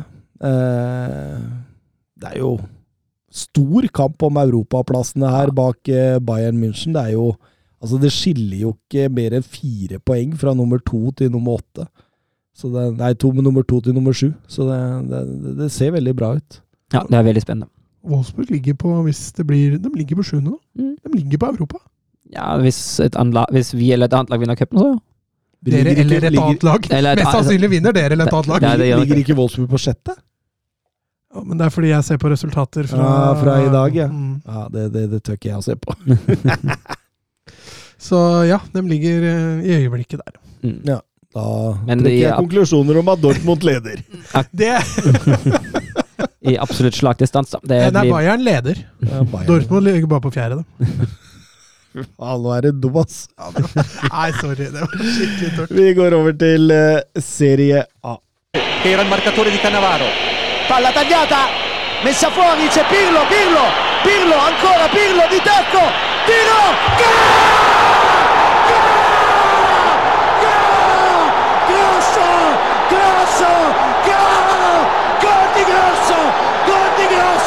Ja, vi kan begynne med Salernitana mot eh, Napoli. Eh, sparka David Nicolas etter eh, 8-2-tapet mot Atalanta. Gjeninnsatte han to døgn etterpå fordi man ikke fant et bedre alternativ.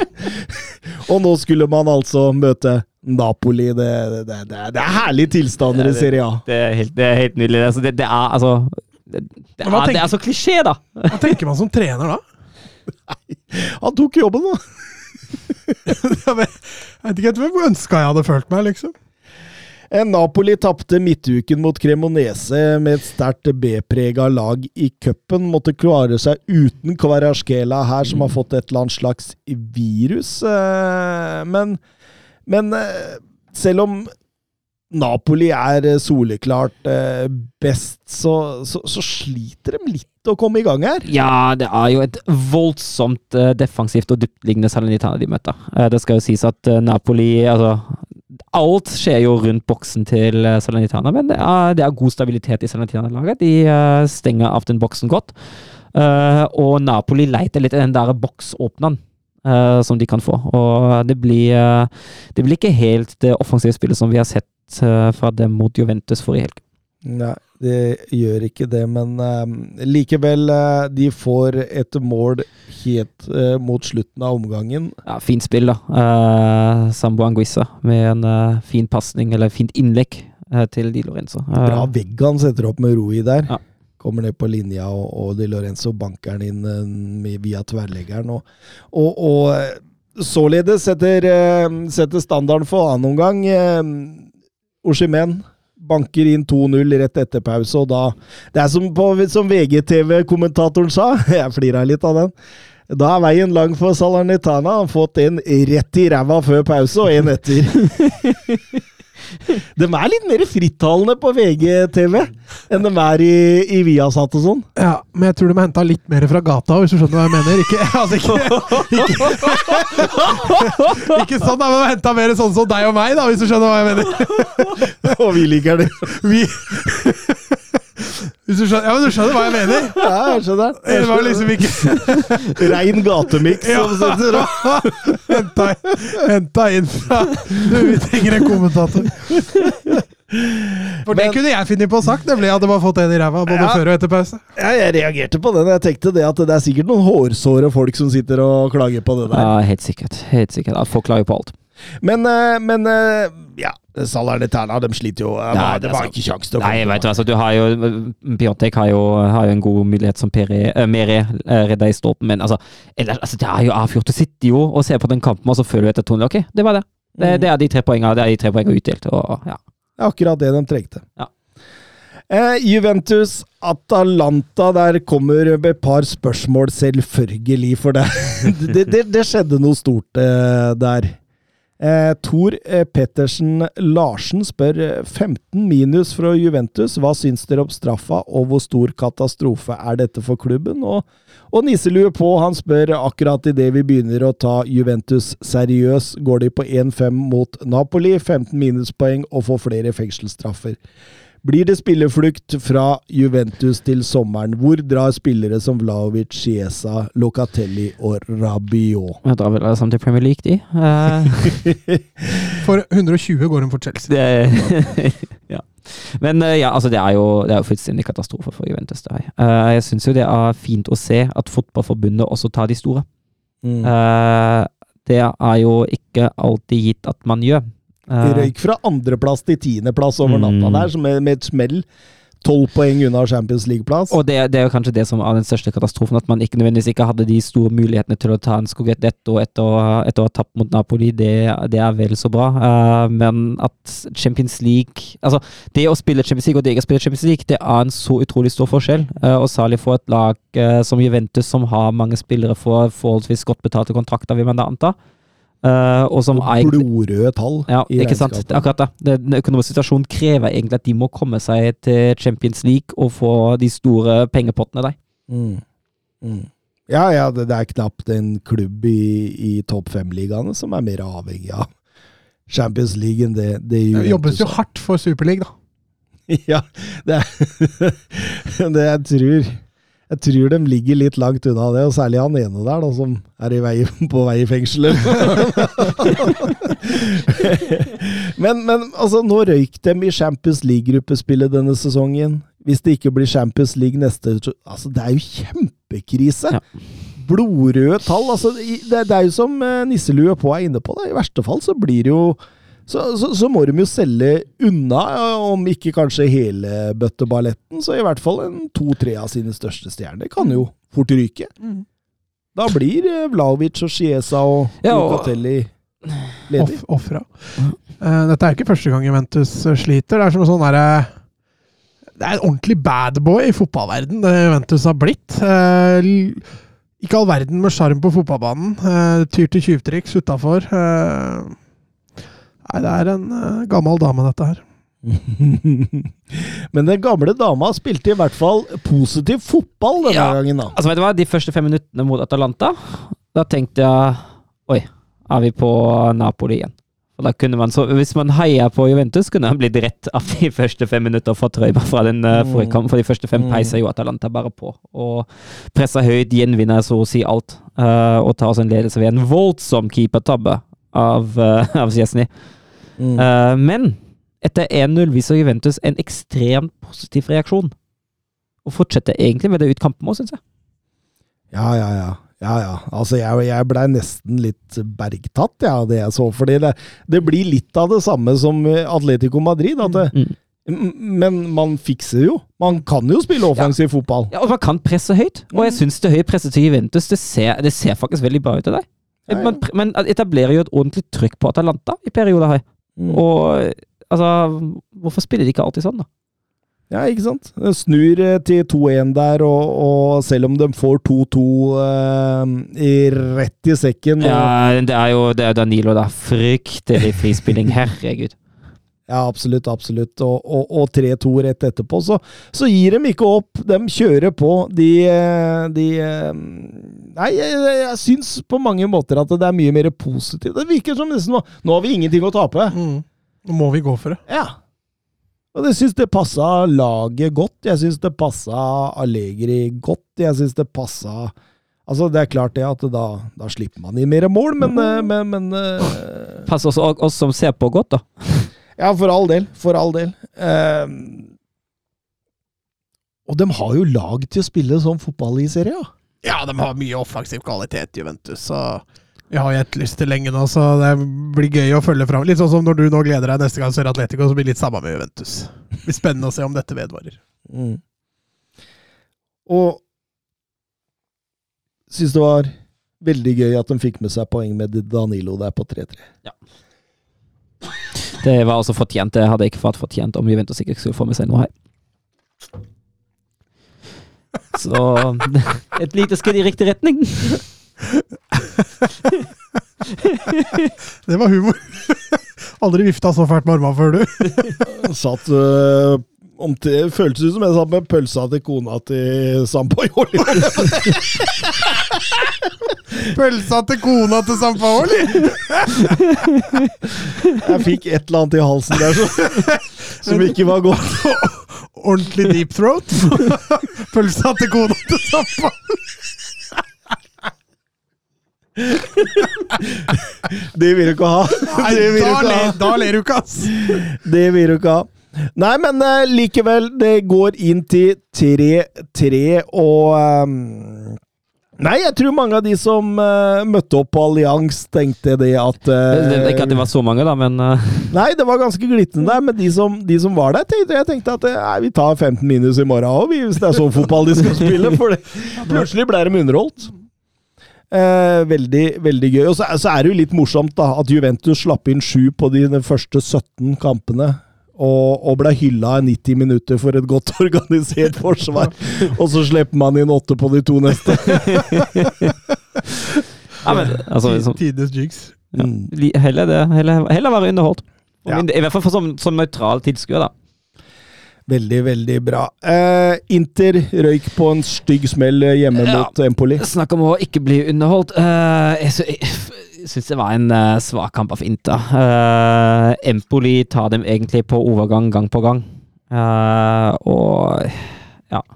Men, men vi har jo vært inne på det, at de spiller mye mer på marginer, eh, Inter nå. og Da, da vil disse smellene komme. Ja. Og ehm, Og for all del, altså Empoli er ikke et dårlig lag, men eh, som topplag hjemme mot Empoli bør man egentlig forvente tre poeng. mm.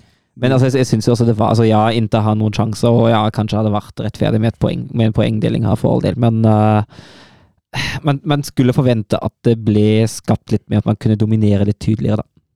Og at man hadde en bedre kontringssikring, først og fremst. Mm. Ja, absolutt. Eh, rødt kort i Milan Skriniar der, den påvirker jo selvfølgelig litt. Det kan være den siste kampen til Skriniar i Inter. Ja, det er en eh, dårlig måte å gå i så fall. Mm. Mm, absolutt. Men jeg synes jo altså, ja, jeg er enig at det påvirka, men jeg syns jo altså før det røde kortet at de problemene var jo akkurat de samme. Ja, absolutt. Absolutt. Um, vi bytte, benytte anledningen da, til å snakke om matchvinner Tomaso Baldassini. Eh, 19-åringen som eh, før denne sesongen eh, har ikke stått med mye spilletid, men plutselig får han spille. Svart med fire mål. Eh, tar steg hele veien. Var jo en del av dette italienske U19-landslaget i sommerens EM-mesterskap som jeg fulgte tett. Så det var litt gøy å se, og det er gøy å se han tar steg. Eh, åpenbart. Altså. Og så er det jo klart det at eh, det, det, Inter gir jo dette bort til Napoli nå. Ja.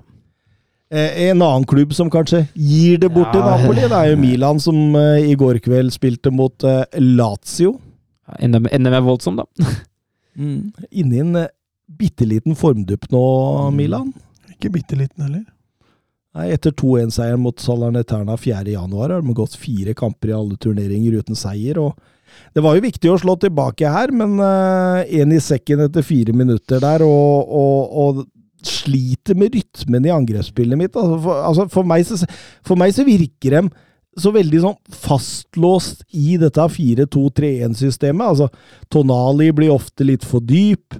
Eh, Giroud blir anonym. Det blir mye på Rafael Leaos skuldre, da, og, og eh, det er liksom opp til Leao å finne på noe genialt for tida, når jeg, jeg, jeg lurer på om Pioli burde skyve Tonali opp i tieren.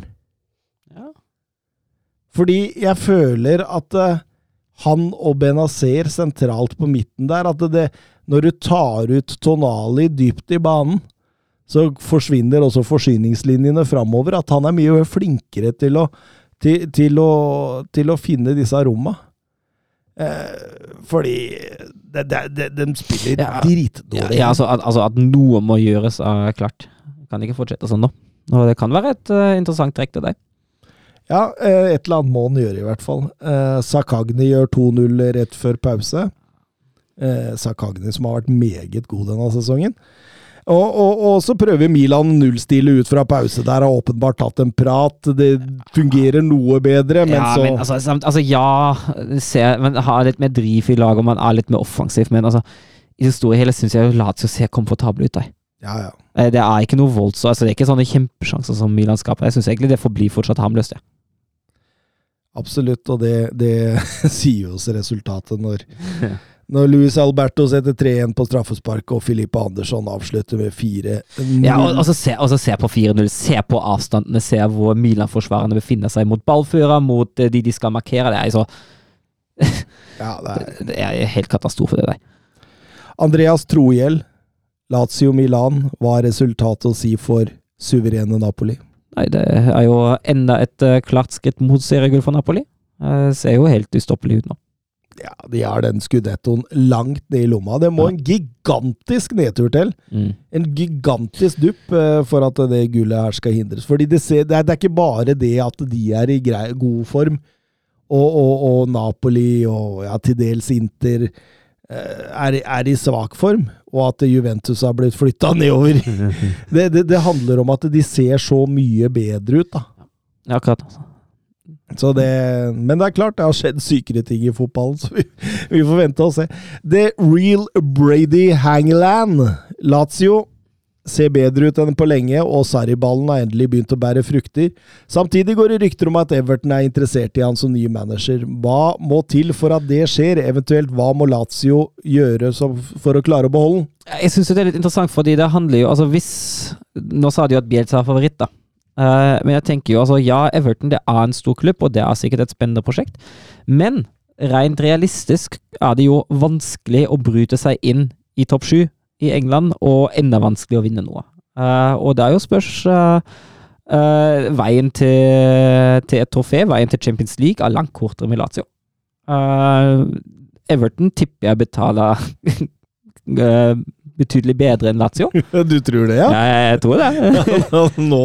Hva er det, nå her? og det, det er jo litt sånn det, litt sånn det som, som, som Sarida må avveine. Ønsker han, å, ønsker han å stabilisere Everton, som sikkert er sikkert en interessant oppgave for en manager, for all del. Uh, og få veldig veldig godt betalt for det, eller ønsker han å, å kjempe i toppen med, med Lazio, kanskje på sikt ha muligheten til å vinne noe og få litt mindre betalt for det. det jeg tenker at det er sånn der det ligger. Mm. Har vel kontrakt i 2025. Jeg tror det skal mye at de klarer å hente han ut der nå. For jeg, jeg, jeg kan ikke se for meg at han kommer til å sette press på Lazio for en overgang til Everton. Det, det, det, det tror jeg ikke. I hvert fall ikke midt i en sesong heller. Nei, jeg tror ikke det. Men jeg tenker jo at Everton er en drømmeklubb, nærmest, for en manager som skal liksom slå litt nedenfra og opp nå, da. Altså, du har liksom alt å vinne, nesten. Det liksom det, og alt ligger foran deg. Det er en klubb som som, så, som det, det er som Mats sa tidligere her, at det er jo en storklubb Mm.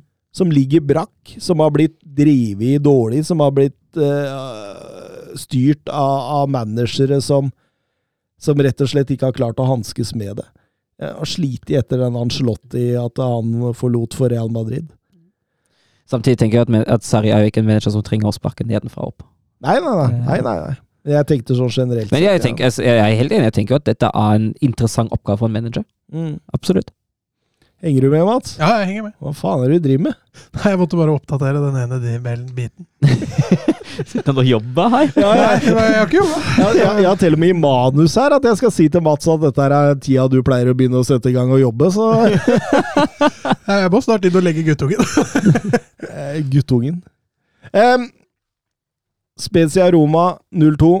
Eh, Daniel Ødegaard helt åpen bak Napoli nå. Milan-klubbene diskutabel form, men vil nok ta Champions League-plass. Hvem tar den siste? Atalanta, Roma eller Lazio? Eh, Det er jevnt, da. Ja. Ekstremt jevnt. Det er ekstremt jevnt. Det er ekstremt jevnt, og det er, det er vanskelig å si. Eh, jeg tror det kan fort bli Roma. Jeg tror Atalanta og Lazio begge har et høyere toppnivå enn Roma, men så lenge Dybala er skadefri, så tror jeg Roma er mer stabilt. Og dermed kan Roma fort ta den fjerdeplassen. Holder en knapp på Lazio, ja. Ser bra ut under også. Det gjør det. Men du har hatt Mourinho, altså. Du er- Ja, men ja, altså, inne- du er veddemål inne- du er veddemål har jo sett vinner allerede, så Nei, det er jo ikke ferdig. det. Hvis Roma har klart opp fire nå, så Nei, vinner jeg. det spiller ingen rolle. Jeg har bedt om bevis, jeg. Du har ikke lagt det, fram det får du. På de siste fem så har eh, Lazio to seire, to tap og ett uavgjort. Roma har tre seire og to uavgjort og null tap. Så Bra form. Så nei, det, det, det- var driftig tips det, Søren, men uh, for all del, alt kan skje der. For det er ekstremt jevnt, Ja, altså, altså. altså jeg, jeg er jo enig i at jeg holder jo en knapp som de to Milano-klubbene inn der, òg, for all del, men altså skal ikke voldsomt til formdupp til for at uh, de faller ut i. Nei, plutselig står man med to Roma-klubber i Champions League. altså Det er ikke umulig, det heller. Tenk hvis de to Milan-klubbene blir erstatta av to Roma-klubber. det hadde vært ganske artig. Ehm, nei, eh, vi, vi hopper til, eh, til Europa, gjør det. Bra jobba, gutta! Bra ball! Nei! Ah, grei offside. Tor Håkon, den er grei. Tor Håkon! Nei, Tor Håkon, det var din egen skyld. Ikke bli sint for det, i hvert fall. da. Tor Håkon, ikke kjeft på dommeren. Og ikke kjeft på dommeren. Tor Håkon, nå hører du på dommeren. Det er hver gang, altså. Hver gang. der. Eh, Europahjørnet. Ja. Ehm, Blå ball podcast kom med et spørsmål der. Uh, er ikke det Skal ikke han ha premiere i dag, da? Jeg har hørt rykter om at det blir innspilling i dag eller i morgen. Så oi, oi. det, det, det skal jeg høre på. Jeg tror det blir knallbra. Det er Sandefjord-podkast, eller? Jeg tror det er et sånn blanding mellom Eliteserie og Sandefjord. Ja. Det er gøy. Det er gøy. Uh, for å aktivisere Granvoll i europahjørnet litt, står det her fra dem. Hva med forventningene dine i det oppgjøret mot massive Fjorden på fredag?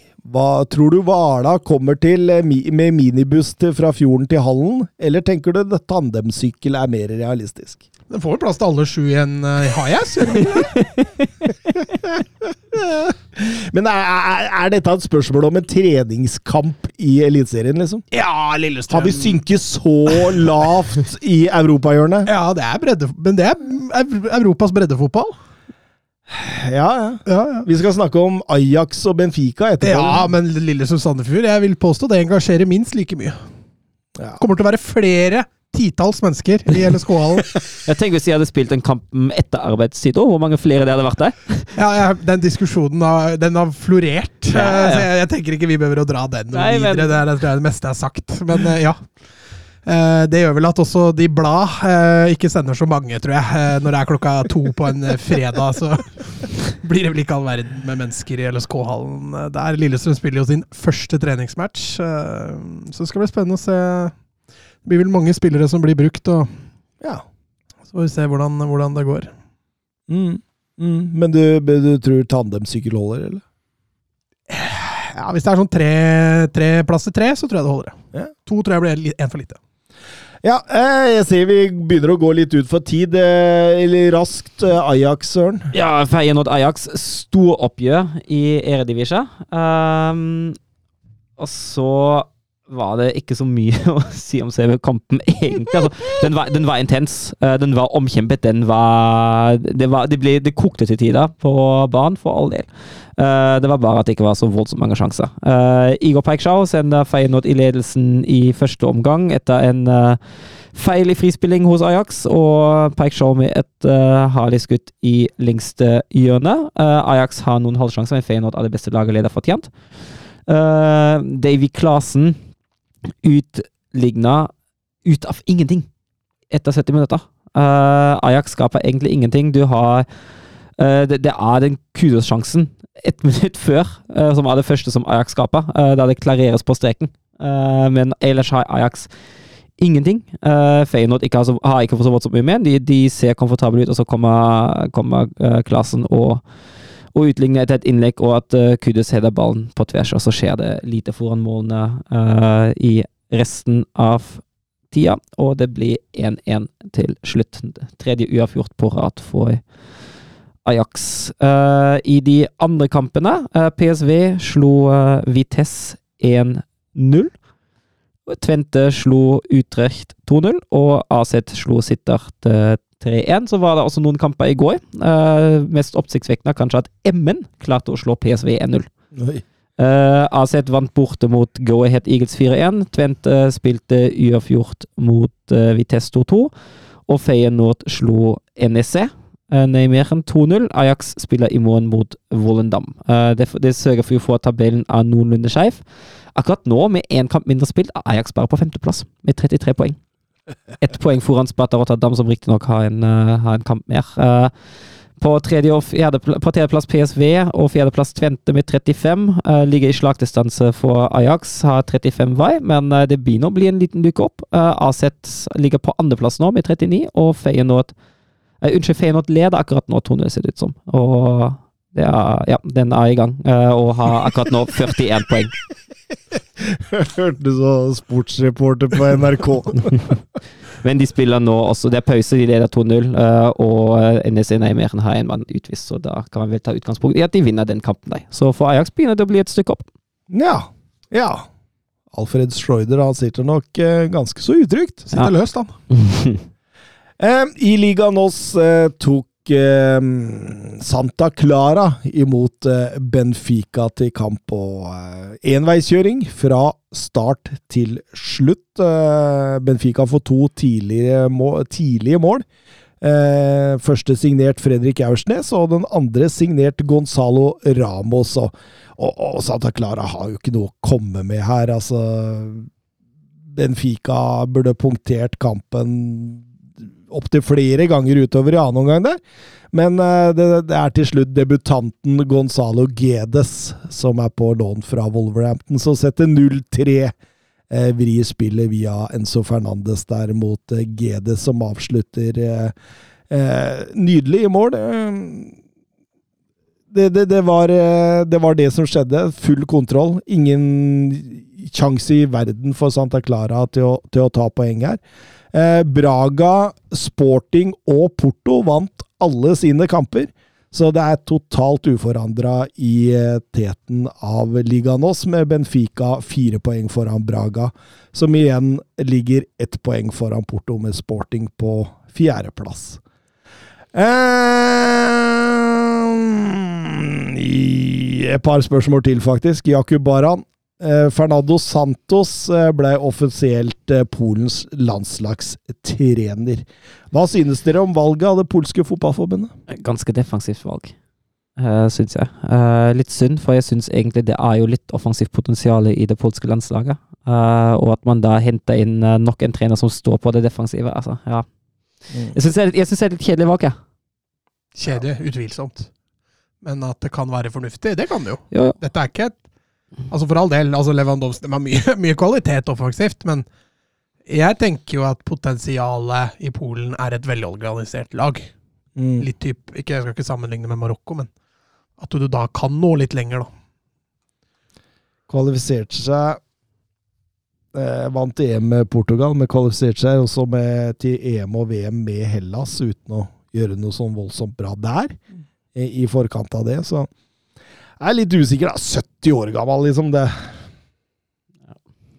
Signert, Nei, eh, signert eh, åtteårskontrakt, han. Jeg gikk over av meg av begeistring. Eh, Vebjørn Fredheim. Kommentarer rundt pengebruken i januar. Han har sendt oss en oversikt der eh, det viser seg at Premier League har brukt 466 millioner euro. Bundesliga 48, La Liga 24, Ligue Ø 21 og Serie A 9. Han vil ha en kommentar rundt dette. Ja, altså jeg tenker jo det viser jo gapet mellom Premier League og alle andre. Uh, jeg tenker også at det viser at uh, nå Altså vi, vi, har- vi har hatt noen spillere som har gått til Premier League-klubber, og ikke bare Chelsea. Vi har snakket litt om uh, annet også Rytta til eh, Leeds, uh, som har vært overprisa. jeg tenker jo at Premier League det viser, det viser egentlig først og fremst at Premier League-klubbene er i stand til å betale høyere høyere summer for å få spillere i januar som i utgangspunktet er vanskelig å få inn i sommer. Det er, det er egentlig det som er, som er min første tanke der. Jeg følte jeg svarte bratt på det i stad, jeg. At eh, forskjellene er enorme, det er dit det går. Så- Chelsea har jo brukt tripla av hva de andre fire ligaene har gjort til sammen. Det er skeivt fordelt her, ja. Det er det. Er det. det, er det. Uh, nei, jeg er så sliten jeg nå. Skal vi si ha det, eller? Adjø. Ha det.